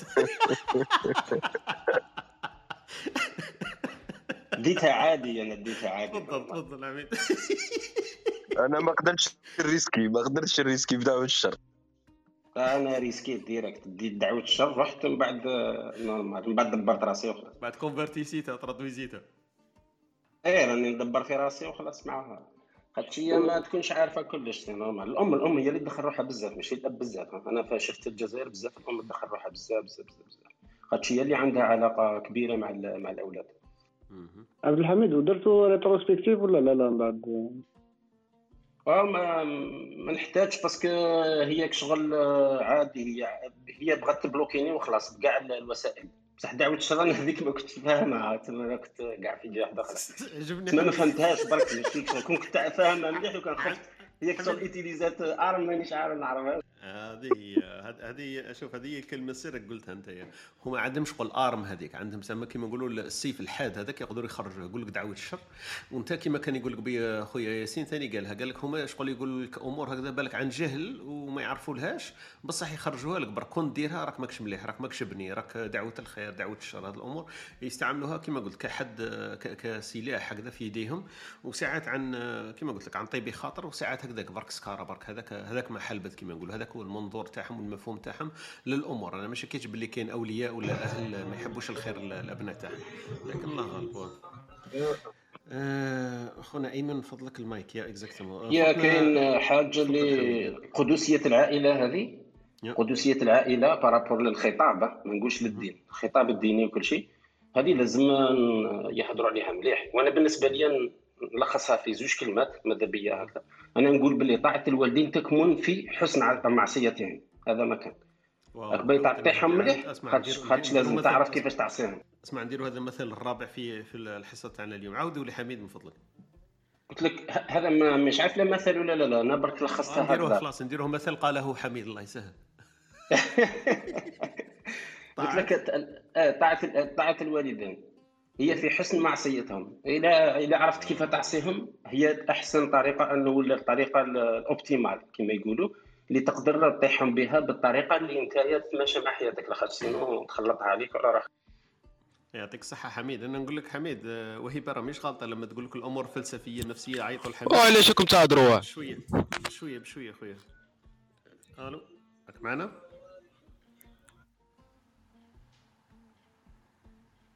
أختي كلثوم تفضلي معنا قبل ما نرجعوا لخونا ياسين وخوتنا وهبه إن شاء الله. تفضلي كلثوم. لك الفضل. والله أنا نشكركم قبل على تعجبني النقاشات تاعكم. يعني هادئة وعندها هدف. السوجي تاع اليوم العائلة. دوك أنا ما عنديش العمق تاع الفلسفة ولا آه، فقط العائلة. أنا نشوفها هي البذرة ولا ولا الأساس تاع كل مجتمع. يعني إذا صلحت صلح المجتمع. إذا حدث حدث خلل على مستوى العائلة ولا حيحدث الخلل للمجتمع ككل يعني. وحبيت إن ما أنا ما سمعتش الأمثلة اليوم تاع الاخت وهبه ومباليش ولا تقدر تعاودهم يعني. أكيد أكيد. أنا نعاودهم والاخ طارق نطلب منك يعني في لك الفضل. كي آه، في الفواصل هذيك نحب نسمع دحمن الحراشي هذيك تاع يانا كارت الخير. بارك الله فيكم احسنتم بلا مزيان يعطيك الصحة. نسجلها لك هدية نكرت الخير. ونوعدك تسمعيها بصح ما نعرفش من وقت. يا اليوم يا في طريق تسمى فيها ما يطلبوه المستمعون هنا نقدروا نطلبوا هذا من النهار الأول كي بديناها؟ بديناها بما يطلبوه المستمعون. كنا السباقين اسمع كنا السباقين بما يطلبوه المستمعون. ممكن ممكن ندير تحية تحية لخالد. أهلي وعائلتي وأمي وأبي معليش. بارك الله فيك أختي كلثوم. بارك نعاود لك الأمثلة لأنه c'est vrai هربنا عليهم شوية لكن دائما هذه حاجة مليحه نروحوا ونرجعوا عليهم إن شاء الله. donc المثل الأول اللي جابت لنا أختنا وهبة في يوم يومنا هذا هو قالت لك الدم ما يولي ماء. هذا المثل تاعها الأول. والمثل الثاني حكينا فيه قالت لك الظفر ما يطلع من اللحم. هي دائما في سياق العائلة والمفاهيم التي تدور حول العائلة. المثل الأول الدم ما يولي ماء والثاني هو الصفر ما يطلع من اللحم. وعندنا المثل الثالث اللي قالت لنا قالت لك الله لا يعطيك خومتين وجايح. لا يعطيك خو 200 وجايح آه، في مثلا إنه لما يكون عندك خوك ما تقدرش تتنكر منه لكن لما يكون جايح تحصل به. وال200 لأنه فيه عنده القوة وعنده الشدة هذيك سما قادر يجيب لك مشاكل آه، أنت ما تقدرش تتعامل معها. فالمثل هذا يقولوا عند لما يكون عندك خو يجيب لك المشاكل. سما الله لا يعطيك خو 200 وجايح. والمثلين الأولين سمعتهم معنا. أنا نزيد لك المثل الرابع تاع آه، خونا حميد اللي فلسفي بامتياز. ممتاز قال لك طاعة الوالدين في حسن معصيتهم. سما إلا يحب يطيع الوالدين هي المعصية وحميد راه جايبها لنا باللي فيها فيها. سما كان تعرف برك انت تنقصها le minimum ال minimum هذاك هو حسن الطاعة لأنه الناس قاعدين تطيع الوالدين تاعها وتحب تطيعهم لكن فيها المعصية فيها فيها. لما كل ما تنقصها هذاك هو الأحسن واحد مطيع لأهله ولا والديه هو اللي يعصيهم بدرجة أقل لأنه في بالي راه فهم حميد خونا باللي فيها فيها المعصية. هذا المداخلات تاعنا تاع اليوم في الأمثلة. خذنا كلتهم إذا عندك مداخلة فيما يخص العائلة ولا الأمثلة تفضلي اليك الخط.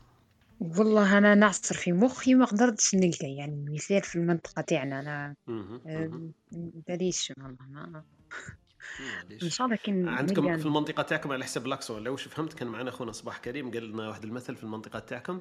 قال لك الدم كي يكدر يخثر non كي الدم كي يحبس يكدر. عاودي لي وقيل وهيبه أنت سجلتيه؟ الدم يحن و يح... آه الدم الدم يحن, يحن ويكدر. الدم الدم يحن ولا يكدر؟ أنا سمعته أنا.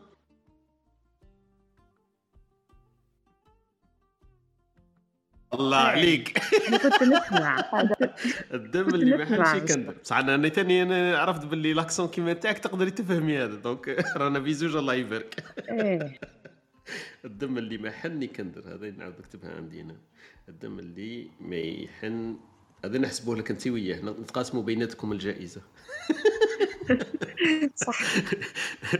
ربي يحفظك يعطيك الصحة. نعاودوا نرجعوا اللي راهم متدخلين معنا اليوم. ما نعرف إلا ياسين وهيبة حميد ولا ياسين الآخر عنده ما يعني كي قلنا كي قال حميد هذيك نتاع حسن المعصية هذا يعني مش موضوعنا موضوع الدين ولكن زعما الإنسان ممكن يلقى الحلول يعني في الدين. كاين حوايج اللي يقول لك زعما الوالدين ما يقدروش يفرضوهم عليك خصوصا يعني في موضوع الزواج للرجل مش مطلوب إنه يستشير والديه.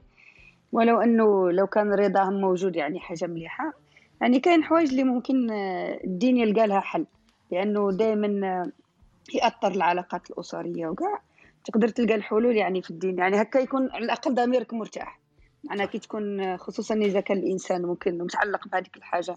والديه يرفضوها. إذا كانت يعني في الدين مشروعة ممكن هذا يكون آه ك يريح يريحه شوية يخليه يرتاح يعني. هذا هو أنا دائما دائما نلجأ لهذا الجانب باش نلقى شوية الحلول سواء مع الوالدين ولا مع الأخوة ولا مع هذا.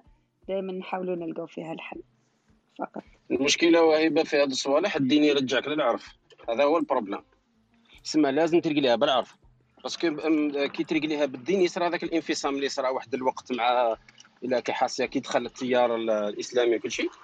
شغل ولاو الناس يتصرفوا بواحد التصرفات تحس باللي شغل ما مش عايشين معنا بعد هذوك يفصموك على على المعروف اللي متعارفين به الناس. تسمى أحسن طريقة أنه بالعرف هذا هو البروبليم. آخر ملجأ يعني يكون آخر ملجأ الدين. معناها حتى ولو كان يتعارض مع العرف وعلى بالك باللي في الدين عندك الحق في هذيك الحاجة. ممكن حاجة تريحك ولا تشجعك ولا تقدر تناظر بها الناس رغم أنهم في بعض الأحيان يحاولوا يفرضوا المجتمع يعني أكثر شيء يتمشى بالعرف ولكن أني نقول بالنسبة للشخص ممكن يكون هذا آخر ملجأ له. اسمحي لي الأخت وهيبة والأخ عبد الحميد. الناس اللي فاهمة الدين الخاطئ يعني هي اللي ت... هي اللي اللي ت... تدير التشويه يعني للعائلة. أنا عندي واحد مثلا نفتح شوية قوس هيك صغير.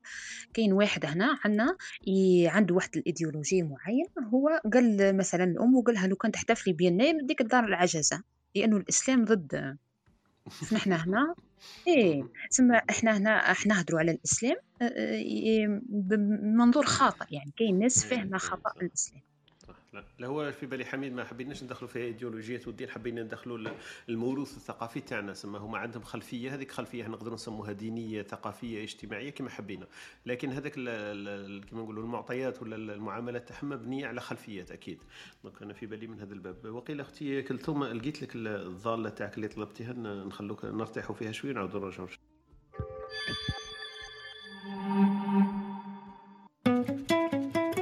أنتم تستمعون إلى إسبريسو توك مع طارق. يأتيكم يوميا من الثامنة إلى الحادية عشر. تجدون فيها موسيقى، حوارات، أقوال، عبر وعبارات. استمتاع واستفادة يوميا. استمتاع واستفادة يوميا et voilà voilà رجعنا معكم. أختي كلثوم إن شاء الله تكون هذه المعزوفة والمقطوعة. نالت إعجابك ورضاك. هذه هي اللي قلت بارك الله فيك. رائعة استمتعت شكرا. ربي يحفظك وحنا ثاني استمتعنا معك ربي يسترك إن شاء الله. آه، نعاودوا للحديث تاعنا. خونا ياسين ياسين راك هادي بزاف. البارح كي رقدت مليح وقيل في بالي لما تنوض تنوض ثاني هادي بزاف. هنا ولا الآخر لا لا أنت الآخر وراه كاين ياسين واحد إيه والله غير مليح الهدوء des fois parce que هذاك c'est l'accumulation هذيك la fatigue يعني تحس بروحك كي t'es actif alors pas du tout دركا راني très calme يعني كان عندكم أي سؤال راني هنا باش نجاوب. آه جاوبنا جاوبنا على المفهوم الصغير المصغر والمكبر تاع العائلة à part هذيك اللي قلت لي المشاكل اللي فيها قلت لهم مفروها بيناتكم. بصح مفهوم العائلة تقدر دير عائلة مثلا في العمل نسموها عائلة ولا نقدروا نديروا مثلا عائلة تاع واحد أصدقاء وهذوك يقدروا يطور الصداقات تولي شغل عائلة؟ تقدر تقرب شوية لهذاك المفهوم؟ أنا شوف لك la société تاعي عائلة. لكن تاع واحد آخر ماشي عائله إلا تكون في Apple زعما t'utilises Apple تولي عائلة. لكن لكن سامسونج واندرويد خاطيني critiquer العائلة. لا لا لا وبصح الأصدقاء أنا pour moi هما هما عائلة يعني على كل حال. parce que صح يعني surtout هنا في الغربة وهذيك. c'est les gens اللي يوقفوا معاك pour aucune raison يعني ما عنده هنا t'as rien en retour وهذه هي العائلة في بالك هي يعني هي de ne rien attendre en retour par rapport مع la personne يعني رانا معاه رانا نوقفوا معاه وهكا ما باش كيفاش نقدروا نترازويزيوها بكلمات هكا سلسه كما تعرف في يعني هذه هي ان la définition تاعي ونعم أنا يعني الاصدقاء تاعي نعتبرهم عائله في الخدمه لا ما همش عائله لانهم كاين politique بزاف ومشاكل كبيره والآخر يحب يطيحك باش يحط واحد آخر وهذه هكا على بالك هذه راهي مشاكل تاع الخدمة. donc non أنا الخدمة jamais اعتبرتها عائلة. خاطر في حياتي درتها. وجاتني déception كبيرة يعني على اخر هاد l'expérience donc jamais عندي سؤال عندي سؤال لكم إذا ممكن. تفضلي يا تفضلي لكل الاخوه ال speaker. آه، آخر مرة اجتمعتوا آه، كعائلة على طاولة على مائدة أو في صورة. حبيت نعرف اذا وإذا ما وإذا ما ما خممتوش فيها ولا ممكن ما صراتش عندها بزاف آه، هل ممكن انك هل كان إمكانية إنه هذا يحدث؟ هذا واش حبيت نعرف. آه أختي وهيبة خليكم تفكروا أنا عندي واحد الأجوبة. بصح أنا معليش أنا عندي واحد التفاصيل في السؤال قالش الآخر؟ هكذا يصعبها لك يدخل لك في تفاصيل في السؤال. هل تقصد هيك ولا تقصد هيك؟ وراه يهرب فيك ما عنده حتى جواب. أختي وهيبة دوك نرجع لك نرحبوا برك بخونا خالد باش ما يطولش بزاف. خونا خالد أهلا وسهلا بك. آه عندك مداخلة خفيفة قبل ما نروحوا للجواب عن أختنا وهيبة وقالت هل عندكم عائلة التقيتم بهم ولا درتوا معهم صورة آه، في وقت مش بعيد بزاف؟ تفضل خويا يا خالد. آه السلام عليكم. آه تسمعوا فيا مليح؟ نحن نستمع فيك مليح. الله فيك آه، شكرا على هذا العنوان. آه يعطيك الصحة. أنا ديما نحاول نركز على هذه المواضيع الاجتماعية واللي تخص العائلة الصغيرة والعائلة الكبيرة والوطن عموما. آه حبيت نجاوب الأخت أخت وهيبة بعجالة ومن بعد نفوت للإخوة إذا كان ما عندكش مانع بارك الله فيك. نو نو بالعكس. آخر صورة كانت قبل ثلاث سنوات. آه كانت قبل ثلاث سنوات وبعد ذلك ربما لن تكون كما كانت لأني آه فقدت الوالده رحمها الله وأنا هنا في الغربه وبالتالي آه بارك الله فيك. آه لذلك أنا حبيت آه آه لذلك أنا حبيت نمد شوية مداخلة وندي شوية وقت إذا كان ما عندكمش مانع فيما يخص العائلة. آه العائلة العائلة بالنسبة لي أنا هي الوطن الأول الذي آه ممكن أن يكسبه الإنسان. العائلة هي الوطن الذي يحس به في الأمان. وأنا أردت من خلال مداخلتي أني أنصح الإنسان الذي لديه عائلة سواء كان أب سواء كان عضو ابن أو آه أو حتى بنت أو حتى زوجة أم يعني. حبيت نقول أنه يستثمر في هذا في هذا العطاء اللي أعطاه له ربي سبحانه. الاستثمار في النفس البشرية هو أحسن استثمار آه ممكن يستغله الإنسان في حياته. آه يعطي وقته يستغل وقته كثيرا يستغل وقتك خاصة بالنسبة للأشخاص آه، اللي ما زالوا عندهم والديهم حاول تستغل وقتك تدي وقتك الكامل آه، تنجليجي الكثير من الأمور آه، لأنه هذه الأمور إذا فقدتها لن تعود. بالنسبة للناس اللي عندهم هموم وعندهم مسؤوليات أنا حبيت نقول له كما كما قال الشاعر يا ملاذ يا ملاذ الغوث من عائلة ليس من تكاليفهم لمهربوا طلبوا في أرجلي شيئا وقد نقبوا رأسا بما قد طلبوا. حبيت نقول له برك أن المسؤولية هي جزء من الكبد الذي يعيشه الإنسان. وهذه المسؤولية تزيد حلاوة. حتى بعض الناس يقولوا أن أجمل لحظة ممكن تعيشها في حياتك هي تلك الضحكة التي يضحكها جميع أفراد العائلة في نفس الوقت. هي صعيبة شوي باش تخيلها لكن نقدروا تخيلوا معي الموقف أنه الضحكة هذيك المفاجأة في نفس الوقت كامل في نفس الوقت. أظن أنه فقدان واحد من العائلة وخاصة الوالدين راح يزعزع ذلك الاستقرار وذلك التوازن لذلك أنصح كل واحد أنه يستغل وقته ويستغل العائلة هذا الوطن آه والله المستعان وبارك الله فيكم. اسمحوا لي طولت عليك. لا لا بارك الله فيك. المداخله تاعك في في كما نقولوا قيمة وفي بلاصتها انه صح لازم يستثمر يستثمر الأهل في البش الجانب البشري كما قلت أنت. هذاك هو الصح. ولما يكون إحنا عندنا مثلا نزيدوه بالك اليوم يقول لك اللي ما يحس بالجمرة إلا اللي يعفس عليها. لما يفقد الإنسان أعز من أعز كما نقولوا ما يملك ولا الناس اللي قراب ليه بزاف بزاف يحس بالألم هذاك. فأنت راك تقدم في نصيحة عبر الخلة تاعك هذه مادام واحد عنده الأولياء تاعو حيين ولا الأصدقاء ولا الإخوة ولا أي واحد راه حي هكذا ي profiter وما يستهانش بالعلاقات هذيك اللي يقدر ينميها معاهم ولا اللحظات هذيك اللي يقدر يسجلها في الذاكرة تاعو. je pense الذاكرة راه هي النقطة اللي كانت تروح لها خوتنا وهبه قبل ما تدخل خونا خالد قالت لك هل عندكم آه، سجلتوا في المخيله تاعكم لحظات مع العائلة على على مائدة؟ تلاقيتوا على على قصعه عيش على قصعة طعام على طبسي شخشوخة على أي حاجة ريحتوا مع بعض كعائلة ولا تصورتوا صورة تذكارية في في حفلة تاع عرس في حفلة تاع عيد ولا صورة هكذا تذكارية مع العائلة كاع لأنه إحنا صح المصطلح تاع العائلة ساعات نديروا هكذا بيناتنا بين بعضنا تلقى واحد متصور 70 مليون تصويرة مع ابنه 70 ألف تصويرة مع صاحبه 17 آه، مليون تصويرة واحدة أخرى تاع ناس هكذاك في القهوة في أماكن واحدة أخرى. لكن ما تلقاش مع البيوم ومع بعضهم. ما تلقاش مثلا مع خوه واختو وخواتاته كاع يروح لهم هكذا جيت هكذا معليش نديروا تصويره اونسومبل في العائلة. هذو الأمور تذكارية لأنه هذه ما راح تزيد ما تنقص هي تكنولوجيا ذاك الناس راهي موجودة عند الناس كامل. لكن شوية تنمي إنه أنت بعد سنين هذاك لما تفقد الواحد تقدر ترجع لهذيك الصورة. وبلا ما تفقدوه أنا ساعات أمور كيما هكذا digitalisation مليحة ومش مليحة. نكون نشوف عندي مثلا bibliothèque تاعي فيها من عارف 14 15 ألف صورة. نشوف هكذاك اللحظات هذوك الصور هذوك نشوفهم يسترجعوا المومو اللي كنت عايش هذيك. الا كنت متقلق تقلق نتفكر التقلق الا كنت فرحان نتفكر الفرحة اللي كنت عايش هذيك اللحظة. فهذه يسمى كما نقولوا من غير تكلفة بلا ما واحد يهز الطيارة والبي وكذا يكونوا الناس بعاد عليه يقدر يشوفهم. من من هذا الباب يعطيك الصحة خويا خالد بارك الله فيك مداخلة في محلها. ونرحبوا بخونا نايف وخونا مالك طلعوا معنا. نعاودوا نرجعوا برك للسؤال اللي اللي قالته خوتنا خوتنا وهيبة اليوم. قالت لك آخر وقت تصورتوا فيه مع العائلة ولا قعدتوا في عائلة مع بعض؟ بصح أختي وهيبة أنا حبيت نقول نقول لك بس كنت راكي تصعبي علينا في السؤال لما تعرفي انت الناس عايشين الأغلبية ولا بعضهم ولا معظمهم عايشين بعاد على البلاد سما كي تقولي له آخر مرة قعدت مع العائلة تاعو راكي راكي تجرحي له في الجرح اللي هو مجروح أصلا مازال ما براش ومش راح يبرى. تقولي له كنت قعدت مع العائلة تاعك وكنت تصورت معاهم لأنه بحكم الطبيعة إنه بعيد عليهم. سما أي لحظات يا ودي هي راهي مجروحة طارق يا ودي راني قلت لها معظم أو كل. سما راني نقول درك معظم وكل نزيد لها جل. جل الحاضرين من الاغلاط نحب نطمنك. إحنا لا إحنا العائله في انعقاد دائم.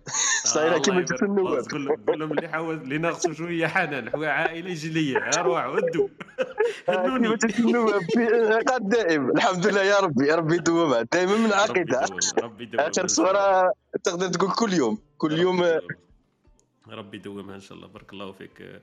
ما نعرف إلى إلى أنا تسمحوا لي نخلوا خونا نايف يطلع معنا. يقول لنا برك اللي عنده مداخلة خفيفة ونرجعوا للجواب تاع خوتنا خوتنا وهبه الا تسمحوا. نايف؟ السلام عليكم. نايف السلام عليكم. صحيت عليكم السلام. أتمنى إن شاء الله تكونوا بخير. بارك الله أه حبيت نهضر في الموضوع موضوع العائلة يعني موضوع. أيوه. أه حبيت نقول باللي العائلة هي الحضن هي هي الوطن هي وأنه مهما كانت مهما بلغت بعض بعض الأحيان أنه نلقاو مشاكل في العائلة ومشاكل اجتماعية وكذا ما تبقى العائلة هي الوطن. يعني أنا أنا يؤسفني أني في بعض المرات نشوف يعني بعض الأحقاد في العائلة وبعض والانسان ما ي profité ش. يعني أنا إنسان موجود مثلا في ديال الغربة أنه نتمنى نتمنى لو أنه يرجع بي الزمن للوراء. ونقعد مع العائلة تاعي لأني آه، لأني ضيعت لحظات كبيرة لحظات آه، أنا أجمل أيام العمر. حتى ولو أني آه، عشت هنا des كما نقولوا des aventures من خرجت البلدان بلدان عديدة. من أفضل أيام حياتي كانت مع أمي. الله يبارك كانت مع الأم تاعي. ولما نذكر لك نذكر لك بعض اللحظات يعني وين كنا كنا صغار كنا نجتمعوا كما قلت نجتمعوا على قصعة تاع عيش قصعة تاع كل يعني بطبيعه الحال كل ريجيون كل الأكل تاعها. كنا نجتمعوا كنا فرحانين وكانت البركة كانت كنا حتى نروحوا بعض المرات عند جدة وجدي رحمه الله. كنا نجتمعوا العائلة كاملة ونذكر نتذكر كانوا أن أولاد الأخوال أولاد العمات أولاد نجتمعوا كامل في الدار هذيك كانت يعني لحظات من ذهب. لأنه الآن نفتقدوا عندنا كلش. الانسان دوك الانسان الحمد لله عندنا كلش فينونسيرمون كما نقولوا عندنا الإمكانيات وعندنا الأخرى. لكن فقراء للحظات هذيك. أنا نذكر اللي راهم يستمعوا فيه يعني ي profité و يعني كما قال لك ال maximum إذا كانوا والديهم حيين أو خاوتهم أو يعني بالدرجة الأولى للوالدين أنه إذا ذهبت الأم أو ذهب الأب ففراقهم صعيب فراقهم صعيب ومن بعد تقول تقول يعني أغلى ثمن أغلى ثمن نمد اغلى ال prix من أجل لحظة مع أمي من أجل أن نحط راسي في حجر أمي. أو نحط راسي في حجر أبي أو نأخذ معه صورة أو نتحضنه. هذه من بعد يبقى الشيء كما نقولوا من بعد آه، تجي متاخره تجي أنه التفكير هذا كل شيء يجي متاخر تقول يا ليتني كنت هكذا كنت مع أبوي كان عندي والله أمي كان عندي يعني الإمكانية اني أني نقعد معاه وأني نلعب معاه وأني نحكي معاه واني نخرجوا أو نخرجها أو نخرجوا ما عنديش أنا ندوروا مي آه، ما profité ش كان مديني كان مديني كما نقولوا إحنا الآخر نخرج مع صحابي نخرج وما ما عطيتش الاهتمام هذاك ما عطيتش الاهتمام هذاك للوالدين لأنهم في مرحلة من مراحل العمر يكونوا هما بحاجة للاهتمام. أنه يكون مثلا الأب أو الأم لما يكبروا يكون عقليتهم وكانهم ي demandé و l'attention plus que كما كانوا كما كانوا هما يعني هما يمدون الاهتمام ومدون الآخر ثم نقول باللي باللي يؤسفني جدا والله يؤسفني جدا أني لما نتذكر وكنت نحكي مع واحد زميلي في العمل جزائري ثاني كان يحكي لي يقول لي ما عندي مدة ما شفتهاش وعندي خمس سنين وست سنين وكذا منا ومنا. قلت له إذا كان حبك لأمك يمنعك أنك تهبط حتى ولو الظروف دوكا آه، مع هذه la situation sanitaire وكلش كلش مغلوق قلت له هذا لا يمنعك أنك تاخذ كل السبل لأنه تشوف لأنه الأم باش نتهموا surtout إحنا مثلا نقولوا الناس اللي في الغربة يشوف أمه كل كل ثلاث سنوات مرة أو أبي اب كما نقولوا الوالد تاعو. يشوفوا كل سنوات ولا ندري لا ندري واش راه مكتب لنا ربي الغدوه إذا اختفت الأم البلاد أو اختفى الأب فراح كلش لا يقول لك الإنسان يظل الإنسان شابا. يظل الإنسان شابا أو الرجل شابا حتى إذا ماتت أمه شاخ فجأة. يعني يعني عندك واحد أمك عايشه تكون عادي تكون أنت هو الطفل في في في نفسك يكون الطفل الصغير هذاك يكون مي إذا ماتت أمك تشيخ أنت فجأة ما تفهمش ما تفهم والو تحس باللي الدنيا طاحت عليك باللي أنت كبرت آه، يعني آه، والله يعني أمر لما نتحدثوا على عائلة نتحدثوا على آه، كيفاش نقولوا une richesse يعني فرصة فرصة لا تضيع فرصة لا تضيع. أنا على بالي باللي كاين ناس ما يفهموش معنى الأمر مع يعني معنى جدية الأمر أنه عندنا عائلة وعندنا عندنا والدين وعندنا إخوة وعندنا أخوات. لازم نتغاضوا عن الأحقاد هذيك نتغاضوا عن المشاكل نتغاضوا ونعرفوا خصوصا واننا في هذه الأوقات عندنا خوف خوف كبير من أن نفقد نفقد آه، أحب الناس إلينا. يعني كو سوا إخوة وأخوات. والله مرات أنا لما نشوف التليفون ونشوف الإعلانات الوفيات وإعلانات أخرى خوف كبير يعني خوف كبير من أن نفقد ونحاولوا نداركوا الأمر أن نقولوا معليش دوك المرة هذه إن شاء الله نتلاقاو ونتلاقاو في ساعه خير إن شاء الله نتلاقاو ولكن يبقى أمل يبقى الأمل وتبقى لكن أجمل أيام العمر يعني قلت لك باش نعاود يعني أجمل أيام العمر أنا وأجمل ذكرياتي عشتها في في في بلادي وعشتها في, في حضن عائلتي. حتى لو كبرت نشأت فقير نشأت فقير أنا صغري كما نقولوا الطفولة تاعي. نشأنا فقراء. آه، لكن أغنياء بالرحمة ديك تاع الأم وبالحنان العائلة وبالأخرى هذاك عوضنا على كلش. الآن الشيء اللي راه عندنا دوك عندنا الإمكانيات عندنا كلش لكن نفتقدوا الحنان هذه ما عندوش حتى ثمن. ونتمنى إن شاء الله أي واحد يعاود يتلاقى بأمه يتلاقى بأبوه ويعاود روحه. وربي إن شاء الله يوفقنا إلى ما فيه خير. إن شاء الله وشكرا جزيلا على بارك الله فيك. يعطيك الصحة. بارك الله فيك خويا نيف. آه، كما نقولوا ديتنا معاك في في رحلة صح في الذات الإنسانية تاع كل واحد. بارك الله فيك. المداخلة بينك كانت طالعة طالعة من القلب تاعك وتحكي بعفوية وتحكي بإخلاص وسيرتو تحكي بغير تكلف. زعما تحكي على التجربة تاعك على الأم تاعك وحكيت أمور كما نقولوا ماكش مضطر أنك تحكيها. فتقاسمتها معنا ربي يحفظك إن شاء الله. أنا الهضرة تاعك رجعتني صح كما نقولوا إلى مواقف ومواضيع اللي أي واحد يطيح فيها. ما كانش مستحيل إنه واحد ما عندوش الأم تاعو والاب تاعو يقدر يعيط لهم يتصل بهم. فكرتني في كلمة اللي بديت بها المداخلة قلت هي الوطن. الوطن هو صح أنا كنت مبرمج من المحاور اللي نحكوا عليها الوطن. لكن لما تحكي مداخلة هكذا وتحكي على العائلة ومن بعد تحكي على الوطن صعب تدير الفرق بينهما. يجي واحد لما نكونوا نحكوا على الوطن يمكن يقولنا الوطن هو العائلة. أنت اليوم راك من غير ما تدري مثلا قلت لنا العائلة هي الوطن.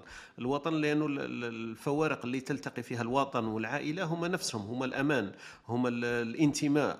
هما هذوك انت تنتمي لهذاك الوطن الوطن ينتمي إليك. عندك ياسر عوامل تشارك فيها العائلة مع الوطن.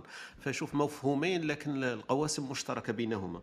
أنا فكرتني في الحكاية تاعك لما يتوفى ولا يموت يعني الوليين تاعو واحد الأم ولا الأب تاعو يحس روحه باللي كبر كان لي شيخ خلاص لأنه حاجة هو كان يحسب روحه في النفسيه تاعو باللي مازال صغير لأنه كاين الأم تاعو عايشة فمازال كما نقولوا لم يبلغ من العمر رعيتية مازال شوية صغير.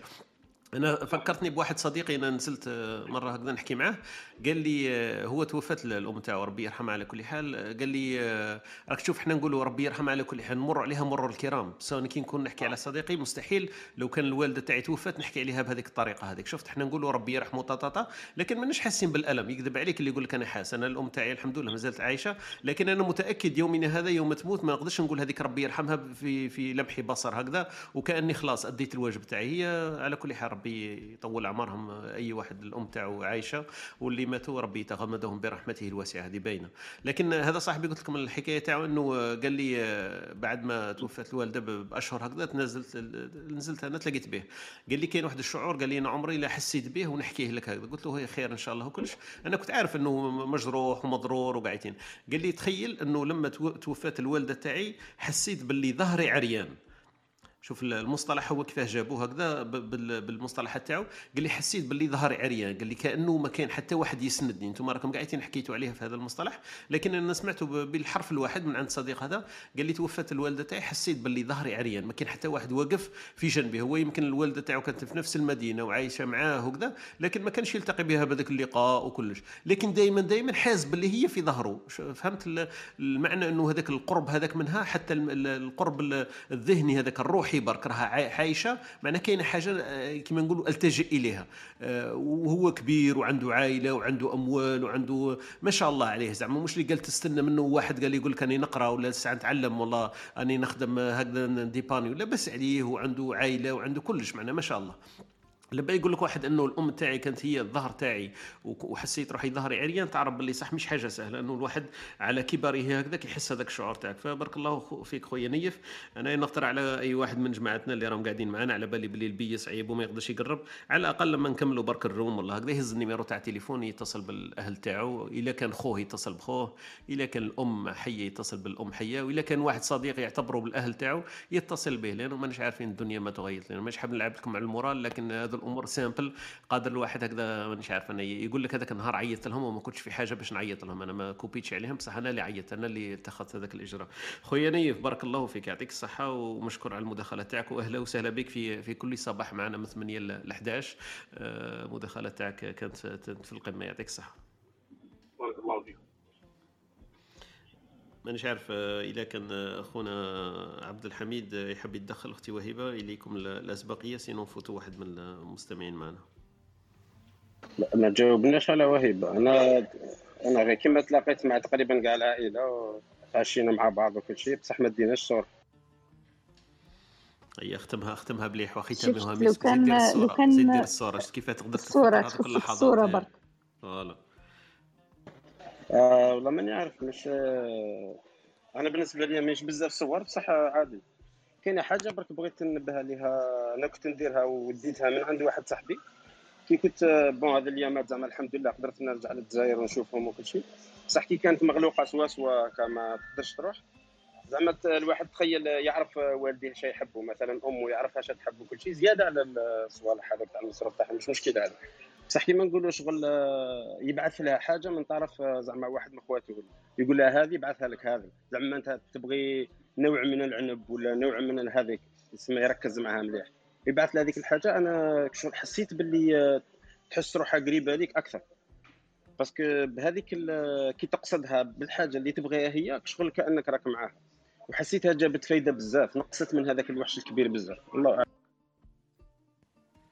فكرة هايلة بارك الله فيك يعطيك الصحة عبد الحميد. مليحة وأنا نشوف فيها ثاني المغزى الثاني اللي قلت تبعثها مع أخوك الآخر سما d'une part و même الآخر راك تربي فيها directement معناها أنت راك قريب ليها تقدر دير هذه الأمور وتعلموا بلا ما, بلا ما تقول له بصح أنت كما قلت تحس إنه هي حاجة اللي تبغيها من طرفك أنت déjà تحسلها لأنه تعرف باللي أنت عارف وش هي تحب déjà راك فاهمها شوية. donc ما شاء الله فكرة هايلة هذه. راني سرقوها لك حميد. أنا سرقتها من عند واحد علمها لي. سما سرقة السرقة حلال ولا بزاف efficace même على بالك même مع خواتك كاين صوالح هكذا يبغوهم ولا يحتاجوهم. آه كي شغل هذيك الحاجة بالذات. كي تدير لي fort وتقول لواحد آخر يشريها ماشي تعطيها له دراهم. تشريها أنت وتعطيها له. ممكن هو مش محتاجها. أصلا مش محتاج دراهم تاعك. بصح كي تشريها وتعطيها له شغل عندها حاجة عندها هكا عندها وقع واحد آخر. شهادة وتحب حديث آه، الرسول. صلى الله عليه وسلم. صح صح. وتحب الهدية يعني. بغيت justement نقول على واحد الحاجة التاليه كاع. est-ce que العائلة تقدر تكون معيار كما الرسول صلى الله عليه وسلم قال واحد هذه الهضرة هذه واعره شوية شغل قال خيركم خيركم لأهله. شغل شغل كي معيار آه، par rapport للنجاح. زعما معناتها انسان تلقاه يهضر هكا fort professeur مش عارف واش psychologie ما عرفش واش philosophie ولا ولا تلقاه دكتور في, في, في ال physique ولا ما باليش ولا والو ولا تاجر كبير ولا. صح هو هو شغل الرسول صلى الله عليه وسلم ردنا لواحد المعيار simple بزاف. يقول لك خيركم خيركم لأهله. شغل est-ce que à chaque fois نقيسوا النجاح تاعنا بالخيرية هذيك مع الأهل تاعنا؟ هذا المعيار واعر باش تشدوا كاع حياتك أنا بانت لي شغل هذا المعيار إلا صح هذا الحديث عن النبي صلى الله عليه وسلم معيار آه، شغل آه، مليح لو كان الواحد يركز فيه. يعطيك الصحة بارك الله فيك آه، إذا كان حاب واحد آه. كان حاب يتدخل ولا أبو علاء آه نعم آه. حبيت أض... أصلا كنت حبيت نحكي على الموضوع هذا حبيت نشير له بقوة أنه نحن عادة خاصة في المجتمع الجزائري تاعنا عندنا مشكل كبير في الدائرة الصغيرة نعم. تلقانا ناشطين بكثرة في الدائرة الكبيرة تلقى أستاذ ناجح خارج عائلته. أما كيجي يقري ولده ما يقدرش. وهذه من أكبر المشاكل النفسية اللي قادر يعاني منها البشر. تلقى مم. بسيكولوج يقدر ينصحك أنت من خارج الدائرة نتاعو الصغيره أما كي يجي في الدائرة الصغيرة تلقاه ما يعرفش يتعامل. وقادر يتعدى الأمر هذا حتى للاطباء تلقاه ممكن يداوي واحد براني يهتم به أكثر من واحد من العائلة. صح وبالتالي هذا مشكل عويص يعاني منه اليوم المجتمع الجزائري. تلقاه البرة يهدر بالقيم يهدر بال آه, آه واه هذه زوجتك لازم تعاملها بطريقة حسنة. آه هذه أمك كيفاش تضرب أمه؟ كيفاش؟ آه ربي يعافينا. آه قال لها كلمة خايبة كذا وهو ممكن في الدائرة الصغيرة نتاعو يفعل ادهى والأمر. صح صح. هذه هذه هذا مشكل كبير يعانوا منه. لازم الإنسان يعاود يراجع نفسه. كيفاش. يراجع نفسه؟ من بين الأمور اللي تقدر تراجع بها نفسك أنك تعطي روحك وقت. لتتعلم الأمور هذه. والأمور هذه تمارس لا تدرس يعني ما هيش تنظير هي ممارسة. كيفاش الممارسة هذا اللي حبيت نقوله؟ هنا ونعطيك مثال. آه، أنا الوالدة قبل ما تتوفى آه، عليها رحمة الله أنا الحمد لله الوالدة آه، عمري ما قلت لها حتى أوف. والحمد لله هذا من فضل ربي سبحانه وتوفيق. لكن حبيت ان قلت لها كلمة كنت نحكي معها بال- بالفيديو قبل ما تتوفى قلت لها مسامحتني. قالت لي قالت لي آه، جملة آه، درك في ذهني. قالت لي حذاري تعاود تقول الكلمة هذه. ما عادش تقول سامحني. على بالك علاه لأنها هي الوحيدة اللي تقدر تقدر معنى أنك تعبر. أنا من بعد كتبت مقالة وكاين حتى في الفيسبوك نتاعي قلت لا تعتذر إلا لأمك. لأنها هي الوحيدة اللي راح تفهم الاعتذار هذا. وبالتالي الإنسان آه، لازم يعود نفسه على الاهتمام وعلى التعبير. عندنا مشكل ثاني في المجتمع الجزائري على التعبير للاقرب أين من- هذه صح. تلقاه عنده مشكل أنه يقول لأمه مثلا نحبك عنده مشكل أنه يقول للوالد نتاعو توحشتك عنده مشكل كبير أنه يقول لاخوه والله كي غبت علي اليوم بانت لي الدنيا ظلمه عنده صح. مشكل حتى يعبر مع أخته. كاين اللي ما قالش لام الأخت كلمة مليحة مع 30 سنة. كاين اللي عمره ما قال الاخت وش خصك ولا آه ولا حضن اخته ولا. وبالتالي في الدائرة الضيقة هذه أنا نحكي في الدائرة الضيقة عموما لازم الإنسان يدرب نفسه. ويمارس هذه الممارسات لأنه تنعكس عليه وتنعكس على المجتمع برا وتنعكس حتى على اولاده من بعد. آه وبارك الله فيكم. بارك الله فيك يعطيك الصحة خويا خالد. طرقت النقاط ملاح نقدروا كل واحد منهم نديروا له حصة. إنه كيفاه الواحد يعبر على المشاعر تاعو وراه المشكل تاع الكبت هذاك اللي عندنا إحنا ما نقدروش نعبروا على أمور هكذا تبان عادي. واحد يقول الأم توحشتك ولا يقول بي يعطيك الصحة نشتيك ولا كلمات كيما هكذا. إحنا المجتمع تاعنا شوية محافظة حتى لدرجة إنه خلاص الأمور العادية نسموها محافظة. وهي ما عندها حتى علاقة بالمحافظة. المحافظة معليش بينك بين الناس في أمور تخرج عن عن النطاق. هكذا تحرج ولا بصح واحد بو يمو يقول لهم نشتيكم وراه المشكل تاعها مي إحنا المجتمع تاعنا ما تربيناش على هذه وكاين مانيش عارف أنا كاين نقص ولا كاين مانيش عارف أنا كود هكذا متفاهمين فيه. فقلت لك يليق لها كل كل كلمة اللي كنت تقول فيهم نقدروا نديروا له حصة في ذاته بارك الله فيك خويا خالد. خويا بعلام قال كان حاب يدخل ونفوتوا دواليك إلا كان مالك ولا ياسين حبوا يقولوا حاجة.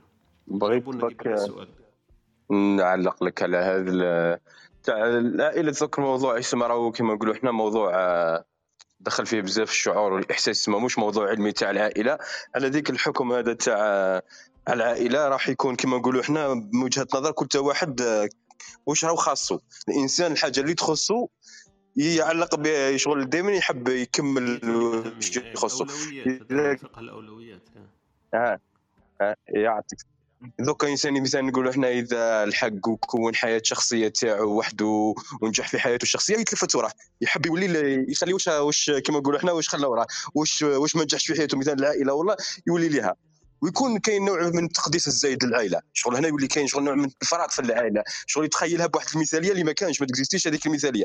لأنه لو كان هو كما نقولوا إحنا قاعد مع العائلة ذيك وكمل مع العائلة ذيك وما كونش حياة شخصية واش يولي يطلع هو؟ يولي يطلع على الحياة الشخصية. وثاني يشوف ذيك كاين الحياة الشخصية بنوع من كما نقولوا إحنا ثاني الإفراط ثاني في الحياة الشخصية هذيك ويقول لك أنا وكان ذيك ودرت تسمى شغل قضيه نسبية. إحنا ثاني عندنا هذا ثاني مشكل بزاف في المجتمع تاعنا ثاني. يفو كما نقولوا إحنا العائلة بدون إفراط ولا تفريط. ما نقدسوها بزاف. ما ثاني واحد المثال بيان سور هايله هذيني معك خويا طارق شغل راني نعطيكم la deuxième nuance شغل خاوكم بالك في الغربه في العصارة. لا لا لا تعطينا في العصارة parce que انت على بالي. انت قلت لنا راني قاعد فيها ارواح بصح ما قلت لناش est-ce que كنت تعشيت معاهم وكنت تصورت معاه على بالي تعشيتوا كل يوم قول لي كرهت من الطياب تاعهم أنا نحوس ناكل وحدي. وتصور قول لي تصور قول لي يا ودي ظل نتصوروا خلاص خطينا طارق اخويا طارق العشاء والغداء تقدر تقول العشاء والغداء مش غير الغداء مش غير العشاء. دوك نروح نتغدى معاهم. دوك على 12 نتغدى معاهم سما نعطيكم شغل بوجهه نظر ثانية. الخوك بالك راهم في الغربة شغل يشوفوا في حاجة واحدة أخرى. أكيد. بارك الله فيك يعطيك الصحة. أكيد أنت كما قلت لي جيب لنا نظرة ثانية لأنه هذه كاين في في المفاهيم باينة. هذا يسموه كل مفقود مرغوب. donc أكيد واحد اللي راه في الغربة يتوحش العائلة وتبلو الوطن والجزائر ويحكي لك على العالم كأنه صاي. هذا السيد خلاص راح راح يدخل في حرب عالمية خامسة ولا مش عارف شنو.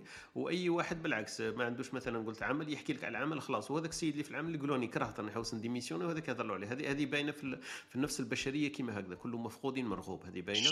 لكن كما قلت مليح إنه الواحد يعطي la nuance ما يتذكرش الذكريات اللي يقول باللي خلاص هذا هو الحل. ولكن كما قلت لك هي الكلمة اللي قلتها أنا أحسن حاجة اللي قلتها قلت أنت لا إفراط ولا تفريط. معليش العائلة مهمة كلش. بصح الواحد ما يكونش لدرجة إنه سيقدسها قدوسية لأنه فوالا صعيب صعيب تولي تتراجع شوية. هذا هو هذا هو المفيد. صح يعطيك الصحة اخويا أبو علم. مالك لم نسمعك كثيرا اليوم. ماذا جرى؟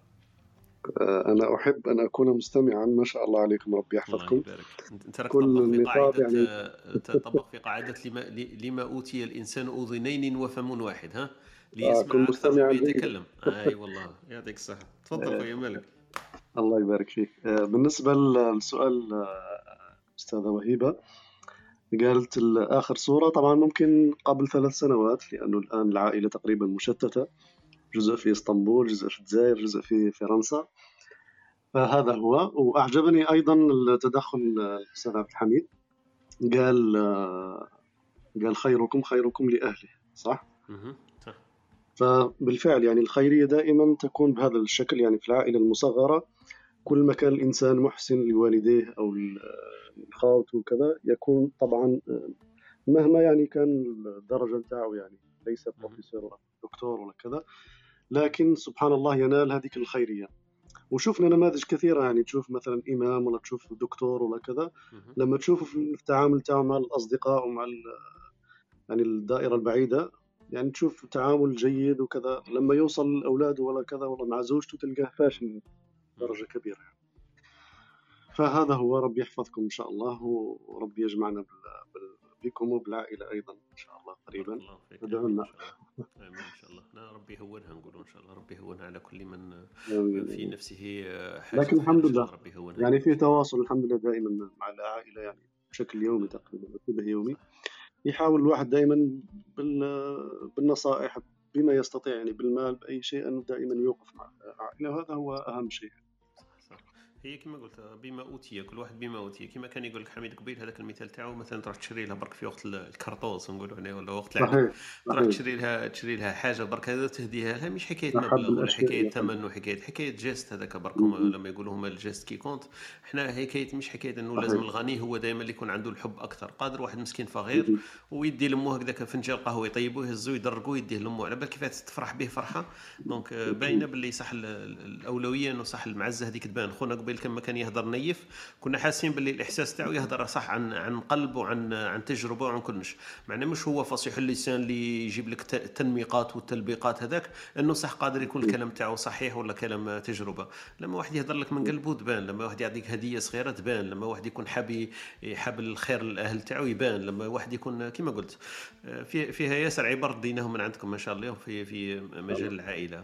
خيركم خيركم خيركم هو خير خيركم لاهله خيركم خيركم لاهله اكزاكتومون بارك الله فيك خويا مالك يعطيك الصحه خونا ياسين إذا ياسين أو ياسين أيكما ايسر يعني هنا. يعني أنا قريب قريب التليفون أكثر بالك شرطون لكم اي ودي سيدي برك libre تفضل. هذه هذه حكاية الصورة هذه والله غير أنا آخر مرة كليت مع يعني الأهل كامل.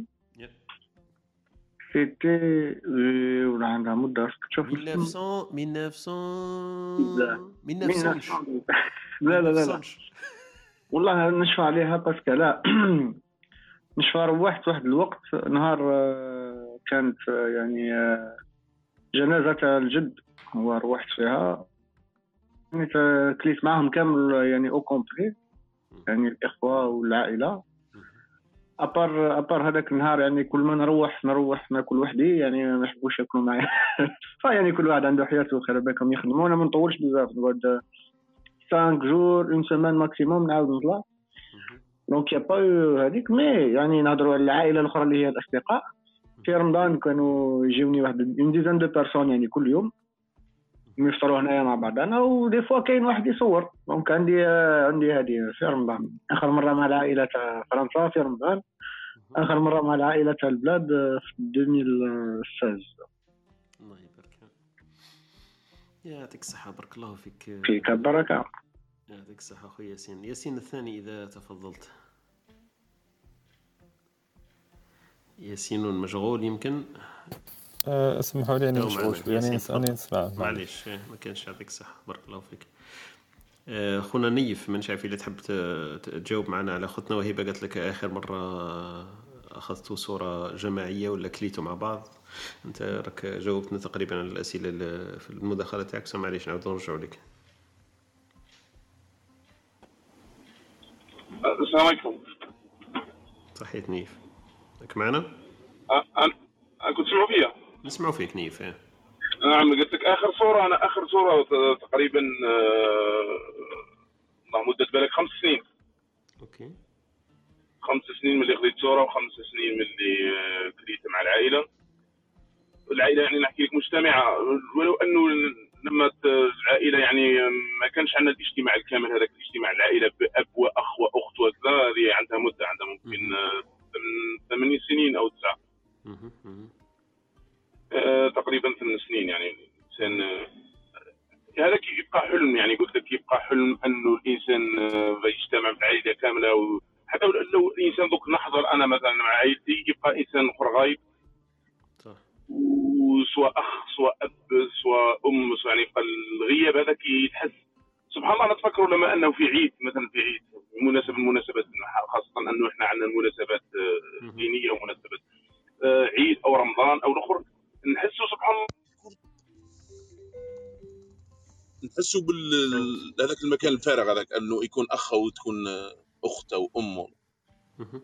نحسوا طبعا أنه نقص نقص الفرد من العائله صح.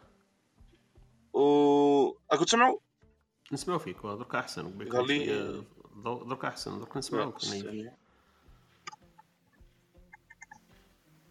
نسمعك نيف أعتقد أني فقدت ال لا نسمعوك نسمعوك نيف. آه نعم. شكرا. قلت لك ومهما والله حبيت نضيف جملة برك على ما قلت قبيل. حبيت نقول للناس يعني قال لك لا إفراط ولا تفريط. صحيح صحيح لا إفراط ولا تفريط. لكن لكن العائلة هي أول أول مدرسة. أول مدرسة إحنا تعلمنا فيها أول مدرسة. هي اللي علمتنا الحنان هي اللي علمتنا ال... أنا الأم الأم أو الأب هما اللي علموني هما اللي دفعوني باش ننجح هما اللي شجعونا هما اللي عاونونا في في ظروف كانت ظروف يعني آه، أقل ما يقال عليها أن ظروف صعبة جدا صعبة جدا ظروف مادية وظروف أنهم هما دعمونا وعاونونا وعلمونا معنى الإنسانية لأنه أول أول حاجة يتعلمها الإنسان في حياته هي الإنسانية هي الإنسانية هي الرحمة هي. لأنه لو لو أنه نجيو نشوفوا بين مجتمعات غربية ومجتمعات ما كانش عندهم هذيك. هذيك الرحمة وهذيك كما نقولوا إحنا نقولوا الأخ حتى يكون أخوك بعيد كاين مثل شعبي. نحاول نتحدث بلغة نحاول نكون كما قال لك أنا نحكيو بلغتنا إحنا نحكيو بلغتنا باش نفهموا مليح. آه يقول لك آه، ناديت على خويا قطع البحور وجاني. حتى ويكون الأخ ويكون بيناتكم مثلا بعد لكن تبقى صلة الدم وصلة القرابة. هذيك قوية جدا. يعني ما تتقاسش ما تتقاسش يعني الصلة بين أخوك أو بين أختك أو بين الأخر يبقى توجور يحب لك الخير ويبقى توجور مهما مهما كانت المشاكل وكانت الأحقاد وكانت. آه، إحنا نتمنى إن شاء الله نتمنى إن شاء الله يكون لقاء عن قريب إن شاء الله لقاء عن قريب نكون فيها العائلة ولو كنت على الأقل تكون غالبية الأفراد غالبية أفراد العائلة مع بعضها. نحاولوا على الأقل هو الإنسان يقول ذوك الحاضر تاعي يقول الحاضر ذوك في الحاضر مانيش مجتمع وفقدت اللحظات لكن يبقى أمل إن شاء الله يبقى أمل. وكما نقولوا إحنا دوك نكتبوا في التاريخ نكتبوا في التاريخ نحاول نكون مع عائلتي قدر المستطاع نكون معها باش في في كما نقولوا في المستقبل في المستقبل تكون عندي تكون عندي ذكريات جميلة ولو أنه كما نقولوا ماهيش كما بكري كما كنا صغار إن شاء الله تكون ذكريات مليحة مع عائلتنا وذكريات آه، هذه النقطة اللي حبت أختنا وهبة كما نقولوا من غير شكل غير مباشر حبت تلفتنا لها. حبت تذكرنا est-ce que درنا تصاور ولا أكلنا مع بعض. في بالي هي حبت تقولنا est-ce que رانا نبنوا في التاريخ تاعنا المستقبل تاعنا يكون عندنا فيه أثر للعائلة مع بعض ولا ما كانش. في بالي أنا أنا لاحظت واحد النقطة مش عارف اللي تشاركوني فيها. عندها واحد سنين لاحظت أنه العائلات مثلا في المجتمع تاعنا هي نحكوا بصفة عامة لكن معليش لازم واحد دائما شوية يروح كما نقولوا يقتني من المجتمع اللي عايش فيه. إحنا المجتمع تاعنا نروحوا دائما الاجتماع العائلي الأكبر ولا اللي يكون فيه أغلبية الناس هو الجنازة. نحبه ولا ما نحبوش؟ زعما الجنازة فترة اللي صح تقدر تشوف فيها العائلة مجتمعة. علاه لأنه فيها تنقص هذيك الشحنه وتنقص هذاك عرضتوني وتنقص هذاك أنت جيت وما جيتش وتنقص هذاك عنده زوج كرارس وما حبش يديني معاه وتنقص هذاك أنت عرضتوني ما عرفتوش الخطره يفات وتنقص أنتم ما جيتنيش هذه الخطرة ما جيكش الخطره الجاية.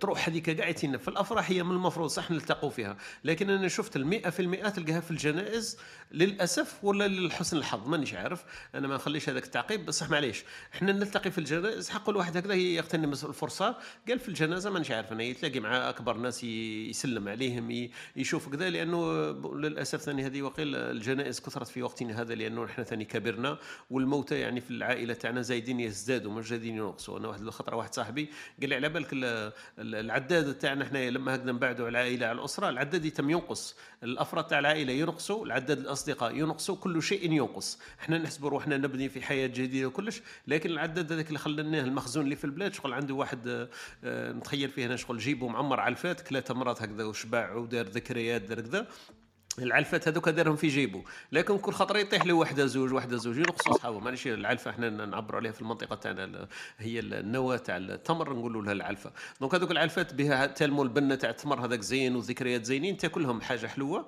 وتخلي العلفات في جيبك. هو الذكريات تاعك هذوك. بصح يتناقصوا. ساعات تروح تلعب في الطابور طيح لك وحدة. ساعات تسمع. donc هذا شوية تمثيل أنا حبيت نشبهه لأنه voilà الذكريات تاعنا زايدة تنقص اختنا وهبة حبت تقول لنا آه، نموا الذاكرة لأنكم تكتبوا في التاريخ كما كان يقول لنا خونا بوعلام ولا خونا نيف. بارك الله فيك خونا نيف. فيك بارك معليش نعقب عليك الاخ طارق أكيد تفضل بلا تعقيب تقدر تتدخل. طيب كي هضرت كي هضرت قلت نجتمعوا جنازات برك أنا حاب نقول نقول الإنسان نحكي لك اللي راه عندهم اسماء افراد العائلة تاعهم حيين وكذا أو متخاصمين أو بل الإنسان أنا ما نحتاجش ما نحتاجش خويا من بعد أخي أو واحد من أفراد عائلتي أنه يجي يبكي على قبري مثلا لما نموت يبكي على يبكي على قبري. والإنسان أنا يحيضك.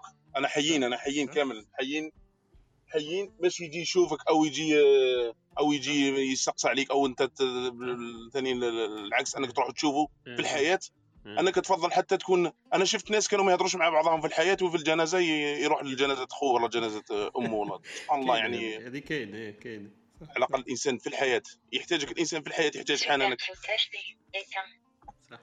هذه الانسان بارك الله لازم يغتنم الفرصة في الحياة ما يستناش حتى عاودنا نرجعوا للامثله الامثله تاع خوتنا خوتنا وهبه قال لك لما كان حي كان شاتي حبة ولا وحدة مش عارف تسموها تمرة هذيك في البلاد تاعكم تقول لما كان حي كان شاتي حبة ولا بلحة ولما مات علقوا له عرجون هذا من هذا الباب.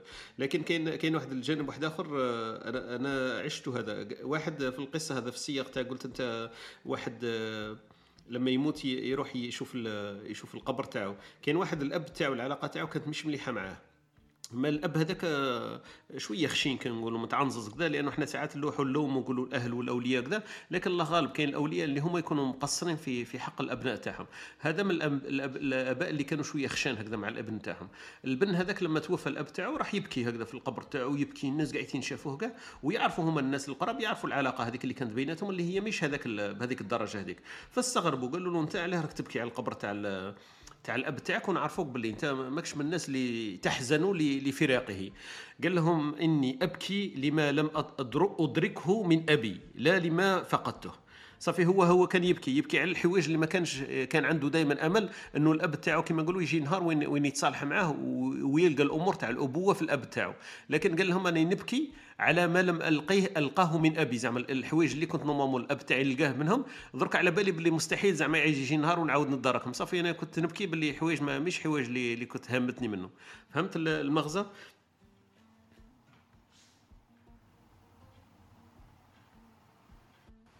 مش عارف خرج وقيل خونا خونا خونا نيف خونا بلال طلع معنا. أهلا وسهلا بك خونا بلال. إني أراك إني أراك مبتسمة. تفضل خويا بلال. صباح صباح صباح الخير.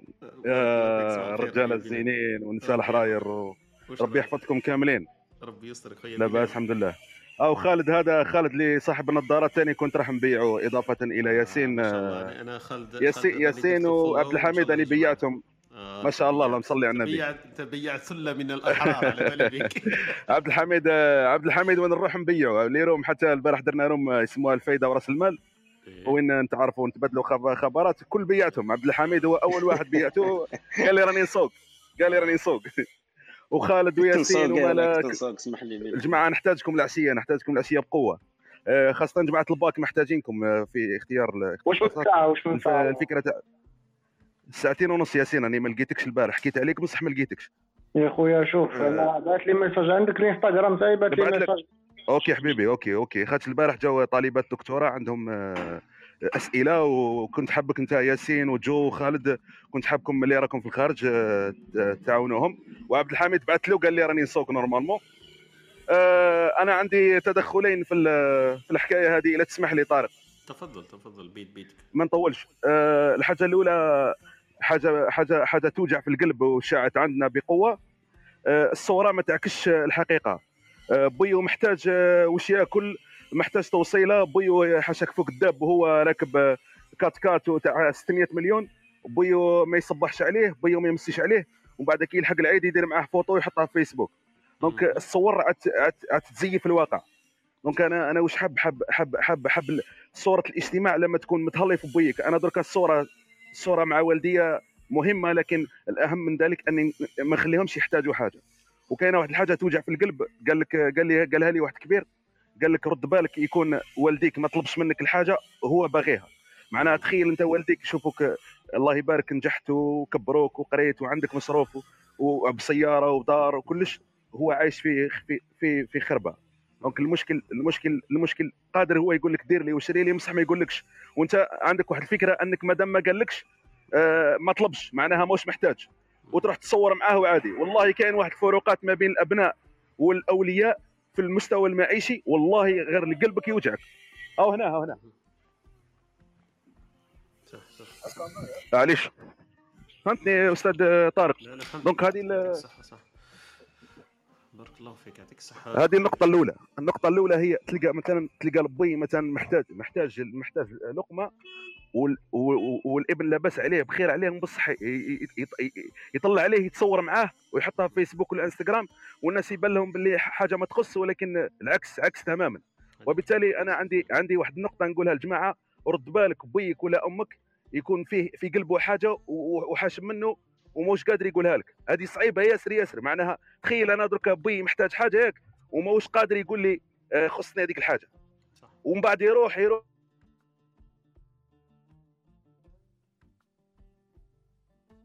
النقطة الأولى.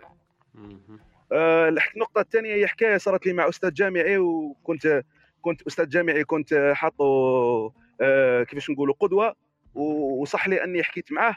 ومن بعد واحد النهار آه، آه، وأنا نحكوا قلت له أعطيني سبب النجاح. قال لي سبب النجاح هو الاجتماع العائلي اللي فرضوا علينا بوي. قلت له هذه اشرحها لي. قال لي قال لي إحنا كنا نسكنوا في في في حي المعلمين وين آه، بي هو حارس حارس الحي وأمه femme de ménage استنى استنى قدام لا تكمل بوعلام راك معنا آه كمل نعم. خويا بلال يكون خلاص آه حبيت برك بوعلام يكون معنا. كمل خويا بلال قلت لك آه, آه، هما كانوا ك... قال لك سر سر النجاح هو الاجتماع العائلي وكانوا في عائلة في حي المعلمين. تفضل. كانوا في عائلة في حي المعلمين هما بي وحارس حارس آه، بدون مستوى تعليمي وامه أمه femme de ménage لكن هما سبعة ناجحين وسبعة دكاترة وكانوا آه، أصلا المعلمين يغيروا منهم من النقاط نتاعهم. كانوا هما أنجح عائلة في الحي تاع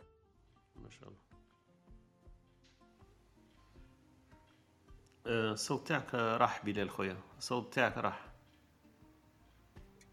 بلال مانيش نسمعوا فيك. ألو؟ آه بلال ألو؟ رجعت قلت هما كانوا أنجح عائلة والصوت انقطع. أني نسمعوك درك ألو؟ بلال نسمعوك. نسمعوك بلال. طارق. نسمعوك نعم. بلال نسمعوا فيك. عنده مشكل تاع connexion بالك حبيت أنا بوعلام تلميحة برك مزاحا. حبيت برك بوعلام يستمع لأنه كما قال لك بوعلام راه في الوجه الآخر يقول لك أكره حاجة هو الاجتماع العائلي. مش أكره حاجة لأن خويا طارق. لكن تكثر منه مش مليح تكثر منه بزاف. إيش معنى إيش معنى لما يكون يومي وكل تكثر منه؟ ما كاين حاجة أكثر من يومي؟ ولا ما كاينش تكثر أكثر من يومي. بريسك اسمع طارق parce que بلال أو قالوا parce que ثاني الاجتماع العائلي parce que إحنا ثاني parce que شغل ديما أنا قلت لك إحنا العائله في نقاط دائم اسمه parce que اجتماعات يوميه مش راني فاهمك راني حاس بك بلال منش فاهمك حاس بك زعما تتعدى تتعدى الافتهام ربي يحفظك يعطيك الصحة. إن شاء الله يرجع معنا برك بلال يكمل الفكرة تاعو تاع النقطة الثانية هذيك. اللقاء تاعنا تاع اليوم رانا مجتمعين على محور العائلة donc في مداخلات وخطنا وهبة أعطتنا الكبسولة الثقافية. نعاود نذكر برك بالأمثلة اللي كنا حكيناهم في محور العائلة. الدم ما يولي ماء كنت راح نقول ما يولي مية. السهرة تاع صح ما يولي ماي. الدم ما يولي ماء والمثل الثاني ظفر ما يطلع من اللحم. ومثل الثالث قلنا لا يعطيك خومتين وجايح ولا يعطيك أهل يكونوا قراب ليك بزاف بزاف وقعد معاهم كل يوم كل يوم. هذا مثلا نزيدوه تاع خونا أبو علم. نديروا برك فاصل فاصل هكذا إعلاني خفيف ونعاودوا نرجع. اليوم رانا طولنا لأنه ما بديناش في المعتاد 8 بدينا شوية متوخرين. فنزيدوا شوية بضع دقائق بالك يعاود يرجع خونا بلال نكملوا معه المحور تاعو اللي كان حاب يتدخل فيه. فاصل ونعود.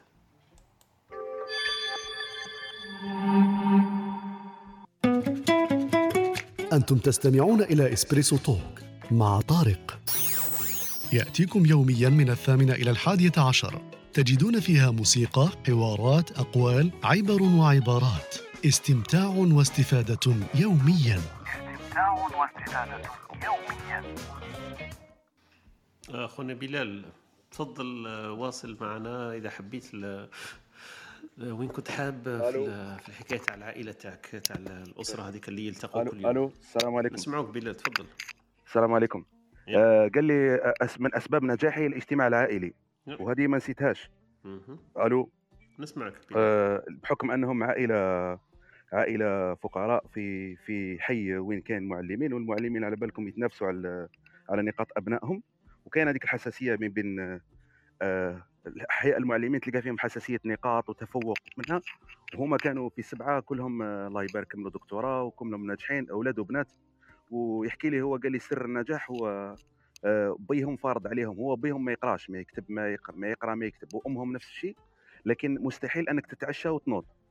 يعني مدة حياتهم كل اللقاءات آه، معناها الدراسة تاعهم كل يوم يوميا بعد وجبة العشاء افطر الغداء افطر على روحك الغداء تغدى على روحك الصباح نفس الشيء قهوة تاع الصباح عادي.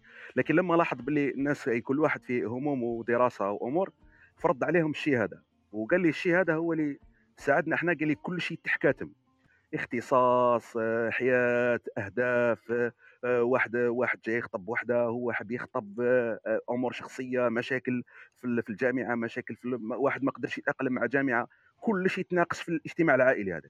وقال لي هما قال لي بعد الاخوات تاعو بنات لما تزوجوا قال لك قال, قال لك هما لازم يديروا هذا مع أولادهم لأنه أسباب تفكك الأسرة والمشاكل العائلية هو أنه الأبناء ما عادوش يقدروا يحكوا أو بالأحرى ما كانش وين يحكوا دوك ما كانش هذاك الاجتماع اللي يخليهم يحكوا والمشاكل ما تناقش في وقتها وبالتالي تتفاقم.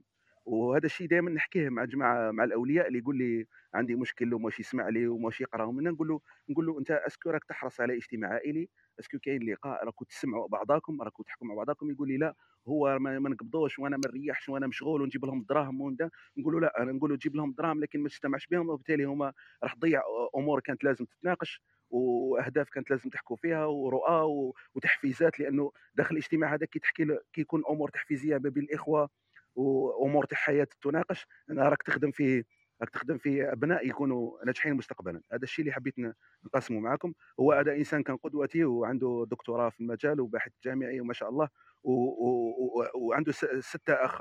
أخ... اخوانه كلهم ناجحين ودائما هو سبب نجاحي أنا وإخوتي. شكرا لكم وسمحوا لي لا طولت. بارك الله فيك. بارك الله فيك يعطيك الصحة أخويا بلال واش قلتوا vraiment في الصميم. يعطيك الصحة. وحنا هذا اللي نفتقدوا له كما قلت حنا للأسف المشاغل تاع الحياة كثرت وكبرت وال quality time هذاك هو اللي ينقصنا حنايا صح؟ الوقت هذاك اللي صح نعقبوه مع العائلة في في في النوعية تاعو مش في الكمية تاعو. تلقاهم قاعدين في في زوج يتفرجوا مثلا في فيلم تركي ولا مانيش عارف أنا واش يديروا ولا قاعدين هذاك في بيت وهذاك في بيت يبان لك أنت من وراء الجدران بالك راه هو قاعد مع ولاده. لكن هذاك في بيت وهذاك في بيت. هو راه في الفيسبوك ومرته في الكوزينة ولا مرته في الفيسبوك ولا تهرم في ال gaming donc ما عندناش هذاك ال quality time ما كانش. أنا النقطة هذه في بالي المجتمعات هذه اللي إحنا هكذا شوية خالطناهم. عرفنا باللي عندهم هذاك ال quality time اللي أنت قلته في العشاء هما يديروه في الغداء وفي العشاء.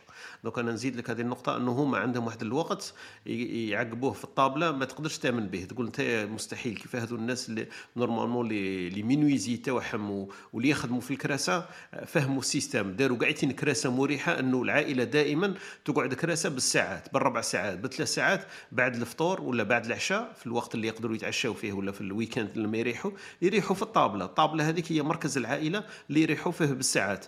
تحط الطابلة تهز الطابلة كذا مازالوا قاعدين يحكوا في أي شيء وفي كل شيء. الأمور العائلية تناقش في الطابلة الأمور الدراسة المالية المادية تناقش في الطابلة. ما كانش هذيك تاع روح نقول لك وسكر الباب وكي نعودوا نهضروا عليه دخلت خليتنيش استنى درك نعاود نعاود نعيط لك. أو ال réseau راح خليني بعد مانيش حاب نهضر كي يكون هذاك مش قاعد. هذوما الأمور إحنا اللي عندنا حنايا هردتنا.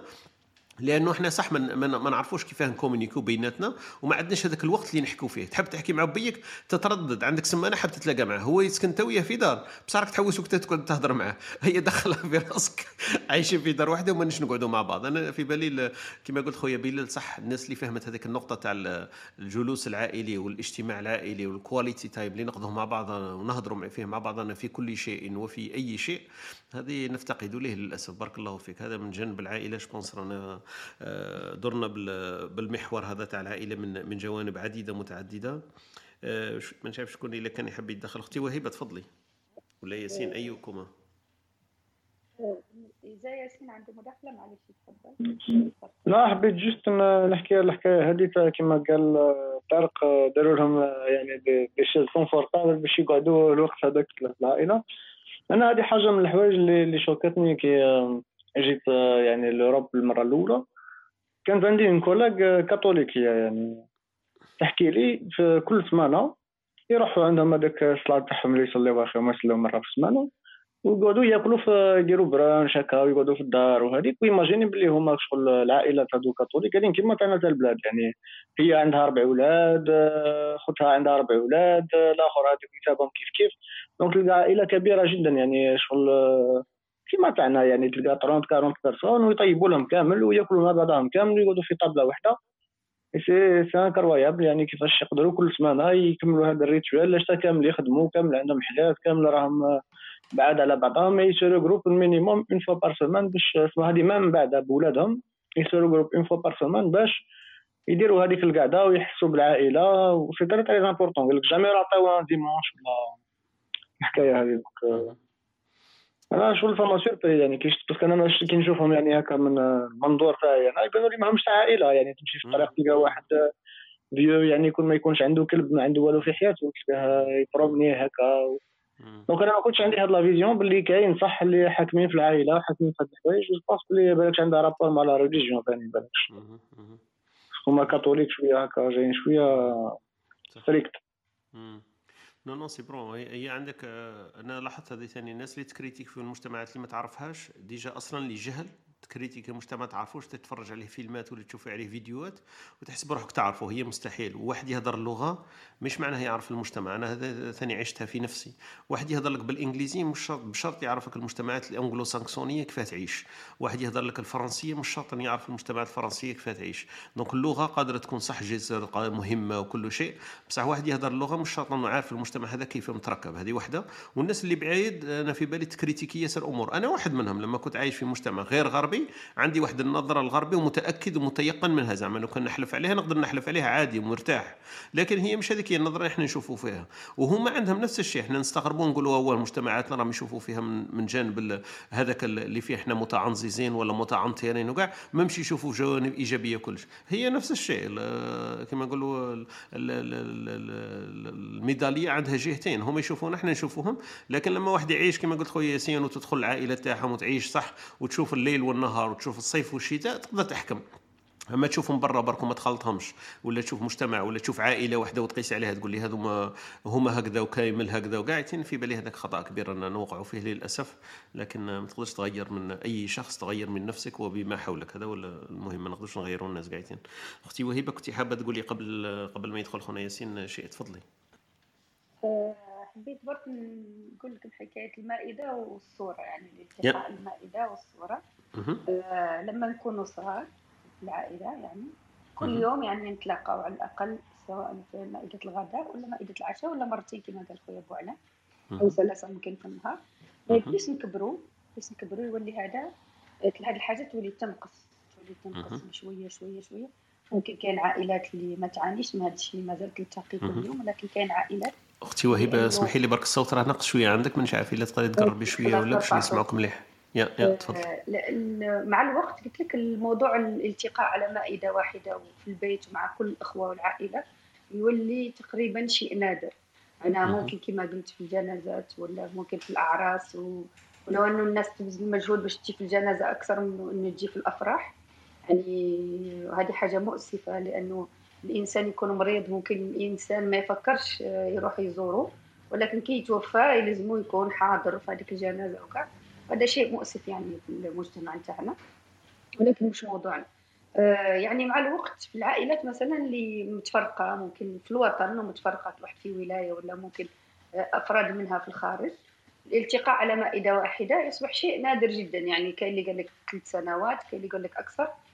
آه، الهدف من الصورة الصورة عندما نلتقي مثلا كإخوة مثلا ويكونوا كامل أفراد العائلة كاينين تاخذ هذيك الصورة. ممكن إذا كنت إنسان محب للصور وكاع ممكن تحطها في البيت آه، صورة تكون متزوج عندك أولاد وكاع آه، يمكن هذيك الصورة مستحيل تعاود تتكرر تكون آخر صورة ليكم مع بعض مع الأسف إذا فقدنا أحد الوالدين ولا أحد الإخوة ولا أحد. آه، يبقى دائما في قلبنا ولكن وجوده معنا في الصورة نشوف إنه شيء جميل. رغم أنه مؤلم ولكن شيء جميل لأنه راح وين نشوفه راح نترحموا عليه راح نتذكروا هذاك الإنسان اللي فقدناه في هذيك العائلة. آه هذه الأوقات ثمينة نعتبرها تستاهل إنها توثق آه بصورة. وأنا بالنسبة لي آخر صورة كانت لي مع إخواني كانت في 2019 في, وفاة الوالد. آه يعني كي شفتهم كاع على مائدة واحدة على بالك ممكن أنا بكيت آه، بكاء واحد آخر لأني شفتهم كامل معايا. ورغم إنه كل واحد فيهم في بلاد كل واحد فيهم في مكان ولكن في هذاك الوقت آه، قدرنا نكونوا مع بعض. آه، شفت هذاك الوقت شفت شفتها لحظة نادرة أنا في هذاك الوقت شفتهم هكا على مائدة واحدة. على بالك آه، شفت أهمية يعني ندرة هذيك اللحظة يعني ما أصبحتش متوفرة لنا دائما. يعني أصبحت حاجة نادرة أن نلتقوا كامل على مائدة واحدة. خصوصا يعني عندما تكون عندك صورة أنت وإخوانك كامل وتحطها في البيت ويشوفوا أولادك آه، الصورة يعني آه، بطريقة غير مباشرة ترسل لهم صورة على أهمية العائلة أهمية العلاقات بين العائلة. معناها كي يشوفوك أنت كامل إخوانك حاطهم في صورة مع الوالدين ولا ممكن حتى في صورتين إذا آه، كان غير ممكن إنه يجتمعوا في صورة واحدة. يعزز ممكن علاقتهم مع بعض في المستقبل حتى لو ما أدركوش هذاك الشيء هذاك الوقت ممكن يدركوهم بعد في وقت متأخر يتذكروا يقولوا آه أنا الأب والأم تاعي كانوا حاطين صور العائله في البيت وكنا نشوفهم كاع مجتمعين. ممكن هو في المستقبل هذيك تكون حافز له إنه تكون عنده علاقة طيبة مع إخوانه ويتعلق بالعائلة نتاعو أكثر مثل ما علمته أنت كي كنت آه، على قيد الحياة. هذا هو قصدي من الصورة والمائدة. بارك الله فيك يعطيك الصحة أختي وهبة. أنا فهمت المغزى تاعك لكن بارك الله فيك أنك تقاسمتي معنا هذه اللحظات وهذه الذكريات السعيدة والجميلة اللي عندها أثر كما قلتي في حياة أي شخص منا أنه العائلة. تبقى دائما هي الحلقة الأولى واللي يتعلم منها كما مش عارف شكون اللي كان يقول لنا خونا نيف وقيل ولا خونا خالد قال كي يتعلم منها الإنسانية كأنه وجوده كإنسان ما في الأفراد الأولين اللي يلتقي بهم فهي العائلة أكيد الأهل والأم والأب والأخوة. ومن بعد ثم تكبر هذيك الحلقة إلى أن يأخذ الاستقلالية تاعو يولي هو بذاته مؤسس لعائلة واحدة أخرى. بارك الله فيكم. أنا استمتعت آه، بلقائكم وحضوركم. قاعدين آه، خويا برك نايف وبو علام والثله هذه اللي راها معنا في الصبيحة تاع اليوم. أنا نتمنى تكونوا معنا في كل صباح. هكذا تثروا النقاش تاعنا. المداخلات تاعكم كانت في القمة وقيمة. حتى الناس اللي تستمع معنا كاين معنا خونا محمد خونا صديق خوتنا مريم راها من الأوائل اللي نشوف فيها باللي كانت معنا خونا منصوري وخونا أزناق هذا معنا من الليسنرز أهلا وسهلا بكم في كل صباح. عندنا لقاء يومي من الاثنين إلى الجمعة. نتلاقاو فيه ندرسوا فيه حول مواضيع هكذا كما نقولوا اعتباطيا نخيروا موضوع نحكوا فيه محور. وعندنا أمثلة جينا فيها يوميا خطنا وهبه في في كبسولة ثقافية نحكوا فيها من الساعة العاشرة حول أمثلة شعبية ندرسوا فيها ونشوفوا المناطق ماذا يقال في هذاك المحور. عندنا كبسولات علمية نشوفوا فيها أخبار علمية نخرجوا فيها باستفادة 10 دقائق خمس دقائق في موضوع علمي. وعندنا الكبسولة الأدبية اللي هي أمور نحكوا فيها على الأدب والأمور الأدبية اللي من المفروض تكون معنا أختنا زنوبيه لحسن الحظ طلعت في اللحظة اللي كنت راح نحكي عليها.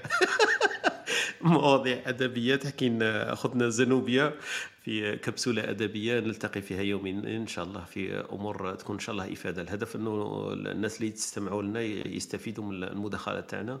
فأنا استمتعت بزاف بالمداخلات تاع خوتنا. كما قلت لكم خونا نيف خونا خالد خونا بوعلام ياسين مالك وبالطبع خوتنا وهبة. الأخوة اللي كانوا معنا ثاني المداخلات تاعهم كانت في القمة. بارك الله فيكم.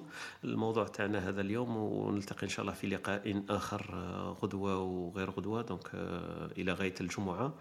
واللقاءات هذه مسجلة وسوف تعاد إن شاء الله كل يوم من الساعة الخامسة ثم أي واحد يحب يسمع ما دار في اللقاء تاع اليوم الموضوع تاع العائلة. كان موضوع شيق ياسر ياسر كل واحد بادر التجارب تاعو والخبره تاعو في العائلة تاعو في المحيط تاعو والمعنى أصلا ما معنى العائلة بالنسبة له.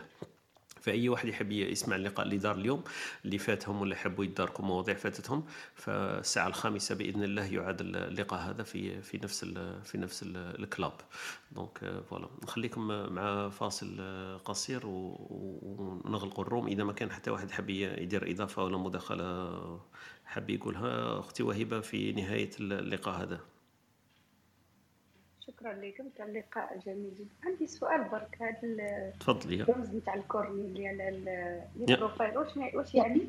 سؤال مهم يا أختي وهبه هذوما الناس الناس الناس اللي يكونوا جدد آه، لما يدخلوا في آه، في Clubhouse Clubhouse آه، دليل زعما هكذا آه، باش ترحب بهم فدير لهم هذاك الرمز تاع الاحتفال كأنها هي تحتفي بوجودهم في هذا التطبيق.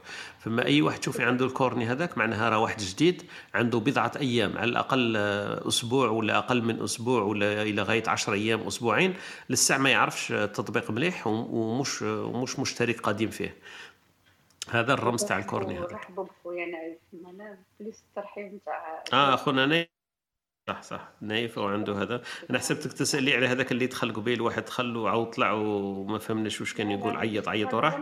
كي هضرت عليه ما كانش على بالي واش يعني. آه okay okay.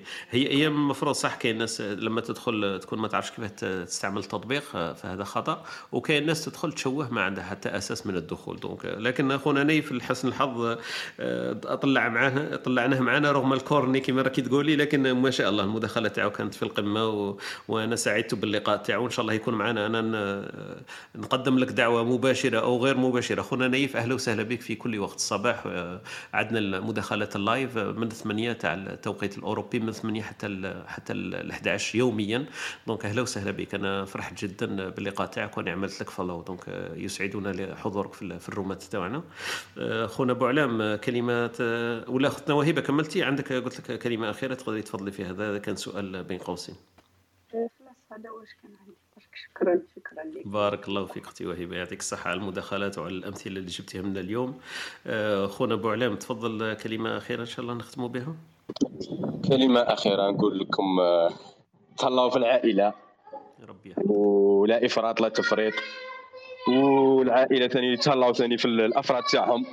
وصورة العائلات الجزائرية باش يسيو ما يقمعوش الأبناء ما يخليو لهم آه، فرصة للتعبير وباش يثبتوا ذاتهم وما يكونش به تنافس كما نقولوا إحنا بين آه، كما نسميوه صراع الأجيال.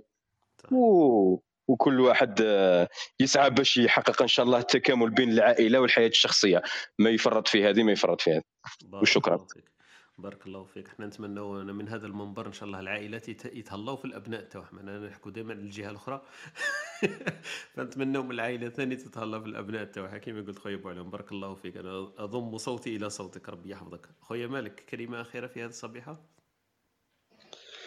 يعطيكم الصحة. يعني كانت صبيحة رائعة بوجودكم وبأصواتكم الجميلة وبإثرائكم لهذا الموضوع. تهلاو في عائلاتكم وطبعا كما قلت لي يعني لازم العكس آه، ما نشوفوش من منظور واحد. لازم تكوين للآباء والأمهات أيضا يعني الجانب التربوي.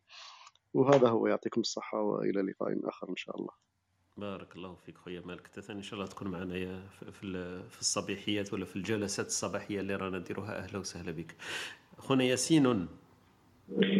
المهم أنا نقول لك يعطيك الصحة على هذه المبادرة هذه تاع ال Espresso Talk حنا رانا من بكري هنا ونبقاو معاك. و ça fait plaisir. هذاك شغل عندنا مدة ما ما كنتش قاعد في الصباح يعني عندي بزاف les réunions اليوم مثلا وشغل عندنا والعودة مليحة يعني. فرحنا بزاف.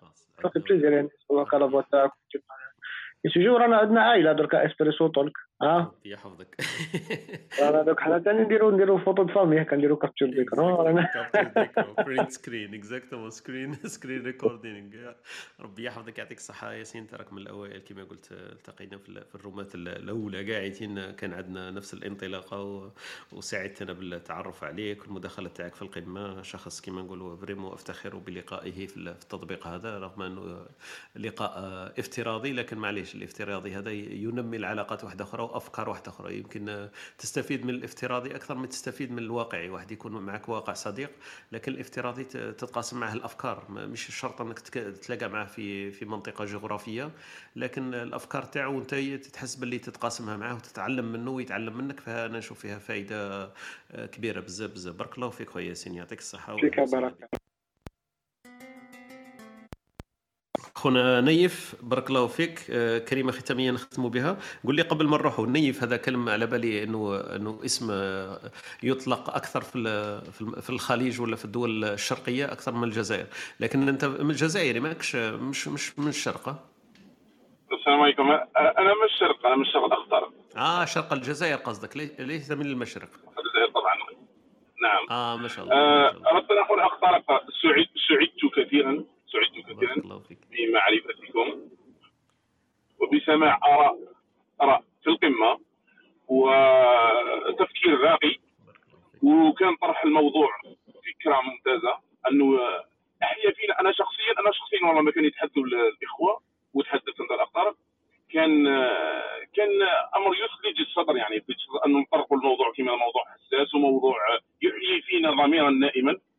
يعني هي فينا اشياء كثيرة وكما قلت انت قبيل راح بينا الزمان بعيد. يعني رحلنا يعني حتى درنا رحلة رحلة إلى ماضينا ورحلة إلى مستقبلنا يعني باش يعرف الإنسان وين راه وين وين راح يكون. وهذه هي الإنسان ربي إن شاء الله. ما دام يعني ناس كي نشوف أولاد بلادي يعني أولاد بلادي يتحدثوا بهذه الطريقة وبعقول راقية يعني نقول الجزائر ما زالت بخير. ومازال إن شاء الله مازال إن شاء الله نقدموا مازال إن شاء الله نتحسنوا مازال مازال إن شاء الله يكون يكون الخير في بلادنا إن شاء الله. بفضلكم وبإرادة ربي سبحانه. وكما قلت نشكركم جزيل الشكر يعني. وراح نكون دائما في الروم هذا يعني. يعجبني يعني استقطبني أصلا استقطبني أصلا فكرة واستقطبني أصلا عقولكم الراقيه النيرة. بارك الله فيكم وشكرا جزيلا لكل فرد يعني بارك الله فيك خويا. الفرحة ولا كما نقولوا الإعجاب راه متبادل خويا. نيف بارك الله فيك. أنا كما نقولوا ثاني سعدت باللقاء والتعرف تاعك والمداخله تاعك كانت في القمة وال room ات تكون راقية لأنه التدخلات تكون راقية. مستحيل تلقى أنت room راقية فيها ال moderator راقي والبقية ما مش راقيين. فأنا نرجع لك الصعصاعين فما شاء الله عليكم ثم المداخلة تاعكم هي اللي كانت في القمة. بارك الله فيكم وسعدت أنا ثاني بكم. خويا نايف مادام راك جديد نشوف فيك إن إذا إذا تفضلت ولا تكرمت راه عندك ال club هذاك اللي مسمينه إحنا club TFM.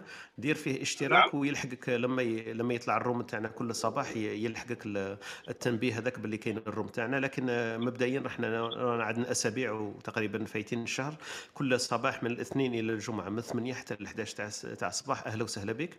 إذا حبيت تعاود تسمعها ولا تسمع الحصة والمداخلة تاعك الساعة الخمسة يعاد البث تاعها فأهلا وسهلا بك في أي وقت. إن شاء الله الاخطار أه تكرمت الاخطار كيفاش parce que أنا جديد في الغرفة؟ كيفاش باش يجي يلحقني لما تدخل دركا في في ال room هذه تلقى مكتوبة فيها من الفوق studio TFM وبيت أخضر صح؟ نعم. هذيك تضغط عليها يظهر لك ال club اللي إحنا مسمينه studio TFM هذاك ال club تدير فيه follow ولا دير اتباع. لما تدير follow لل club يلحق لك أي room تطلع في ال club. ولا تحب تضغط على الصورة تاعي أنا ال profile تاعي تاع طارق ودير following طارق. أي مرة نطلع أنا في room ونكون نحكي فيه يلحق لك تنبيه على أساس أنك طارق يتحدث في غرفة. فمبدئيا تقدر تشترك معنا. أنا درت لك follow ونبعث لك أنا درت خلاص. أنا درت فيديو درت ال room ودرت آه خلاص. déjà عملت ما يجب فعله. donc اي أي مرة يطلع يجي لك وكون قدرت ندير ثالثه مره ثالثه ندير مرة ثالثه ربي يحفظك ربي يحفظك. هذا من كرمك وطيبتك ربي يحفظك خويا نيف. كما قلت أثريت اللقاء تاعنا اليوم. ربي يسترك إن شاء الله ويكثر من أمثالك. وكما قلت أنا ما نقولكش أولاد بلادي كما هكذا. نقول لك الإنسانيين أي إنسان بشر يكون عنده تفكير راقي فيكون عنده ثلة كما هو يشتركون في هذاك الكرم والطيبة تاعو. فبارك الله فيكم أنتم ثاني يعطيكم الصحة. خطنا كلثوم يعاود ترجعت لينا. كلثوم آخر وحدة تعطينا كلمة في نهاية الصباحية هذه. ما تقييمك الموضوع تاع اليوم وكلمه نختموا بها الروم تاعنا في هذا الصباح. أختي كلثوم؟ أه، المواضيع تاعكم كامل مليحة أنا تعجبني كامل وبارك الله فيكم. الفكرة تاع العائلة ولا باه نطرحوا مواضيع قيمة كما هكا وندير وك النقاش وك رحنا اللمة العائلية.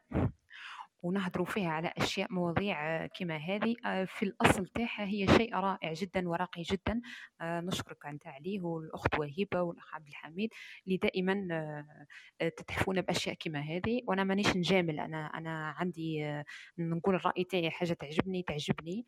دونك بارك الله فيكم واستمروا في في معالجة هكذا مواضيع. وشكرا.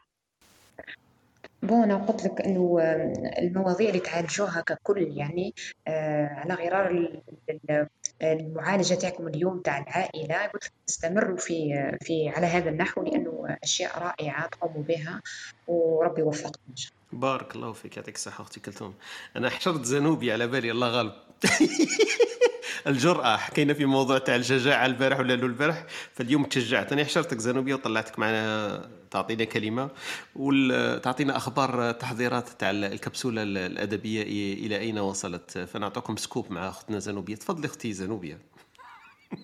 أهلا أهلا. أسعد الله صباحكم. يعني صباح الخير للجميع. أهلا وسهلا أستاذ طارق وهيبة أستاذ مالك وكلثوم والجميع المستمعين. والله شوف أنا دايما الجمال الأثيري هذا نتاع إسبريسو تولك يفوتني لأنه صراحة الوقت جدا غير مناسب. السابعة صباحا توقيت الجزائر صعب صعب جدا. فأنا الآن أول ما آه، بدأ اليوم فتحت لقيت لقيتكم فاتحين.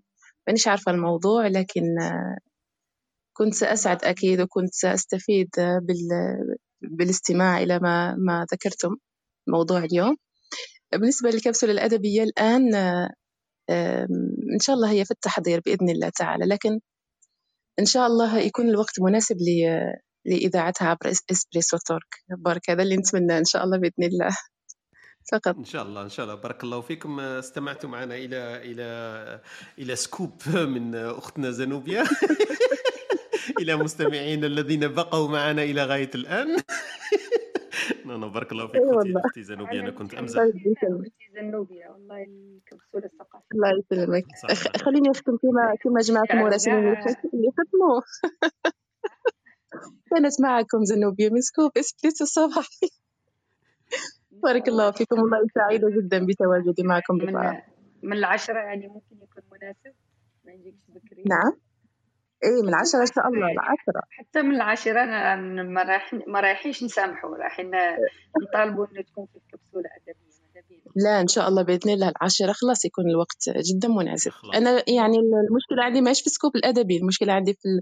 في ال... الأشياء اللي تفوتني الساعة السابعة يعني المناقشات الثرية. آه هذيك لقينا لك الحل. الأدبي مقدور عليه. إحنا لقينا لك هذيك لأنه ما تقدرش نديروا لك زعما القنطة هذيك زعما. ما تقدرش تدخلي بصح تقدري تستمتعي ولا تستمعي ابتداء من الساعة الخمسة. على الخمسة نعاودوا الإعادة. اي راني سمعت الإعادة الموضوع الموضوع كان كان ثري جدا حكاية العائلة والتقييم تاع العائلة ومفاهيم العائلة عند آه. كل شخص تختلف. زعما كل واحد وش يقول لك العائلة بالنسبة له تختلف وفيها تقييمات وأطروحات. الإخوة ما شاء الله عليها. donc أنا أقترح عليك إذا كان يهمك الاستماع في الساعة الخامسه تبث يعاد البث. أما المداخلة تاعك كما قلت أنت رانا كما نقولوا آه، افتقدناك. donc هذيك الأيام هذيك كنت معنا. donc إلا تقدري الساعة 10 إحنا ما عندناش مشكل. لكن أنا وياك نقدروا نضبطوا الأمر آه، يكون معنا الأخت وهيبة ولا أخ مالك. ولا نضبطوا الأمر يمكن نعملوا طريقة واحدة أخرى نسجلوا بها مسبقا ولا نديروا عفسة من هكا إلى حين يتسنى لك. يعني على بالي التوقيت بالتوقيت الجزائر شوية صعب لكن معليش إلى تجي معنا الساعة العشرة ولا الساعة العشرة ونص نطوطوا إحنا في الحصة تاعنا ونديروها يمكن حتى ل 11 11 ونص بتوقيتنا هنايا. يتسنى لك الحضور هذا. على بالي عندك التزامات وعندك مباشرات بصح إحنا مش رايحين نطلقوك معنا حتى يكثروا الاعداء الأعذار تاعك فماناش طالقينك ماناش طالقينك. بإذن الله بإذن الله. ان شاء الله. إن شاء الله ربي يحفظك أختي زنوبيا ربي them.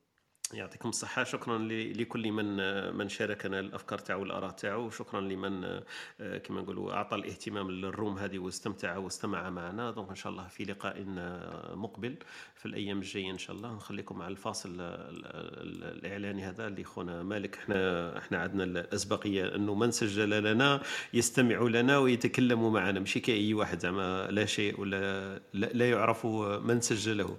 فمالك بارك الله فيك مسبقا ونخليكم مع صوت مالك في في هذا الفاصل الإعلاني. بارك الله فيك. نورمالمون نديروها على المباشر آه نديروها إحنا نستمتع بالصوت تاعك على المباشر. واش نزيد قمة وطاقة كما هذه وحنجرة كما هذه ذهبية فهي حاضرة معنا يكفينا فخرا واعتزازا بك. يعطيك الصحة. بارك الله فيك. شكرا. بارك الله فيكم. أي السلام عليكم.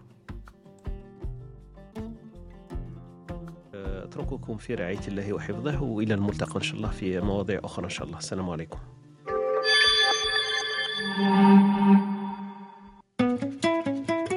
أنتم تستمعون إلى إسبريسو توك مع طارق. يأتيكم يوميا من الثامنة إلى الحادية عشر. تجدون فيها موسيقى، حوارات، أقوال، عبر وعبارات. استمتاع واستفادة يوميا. استمتاع واستفادة يوميا.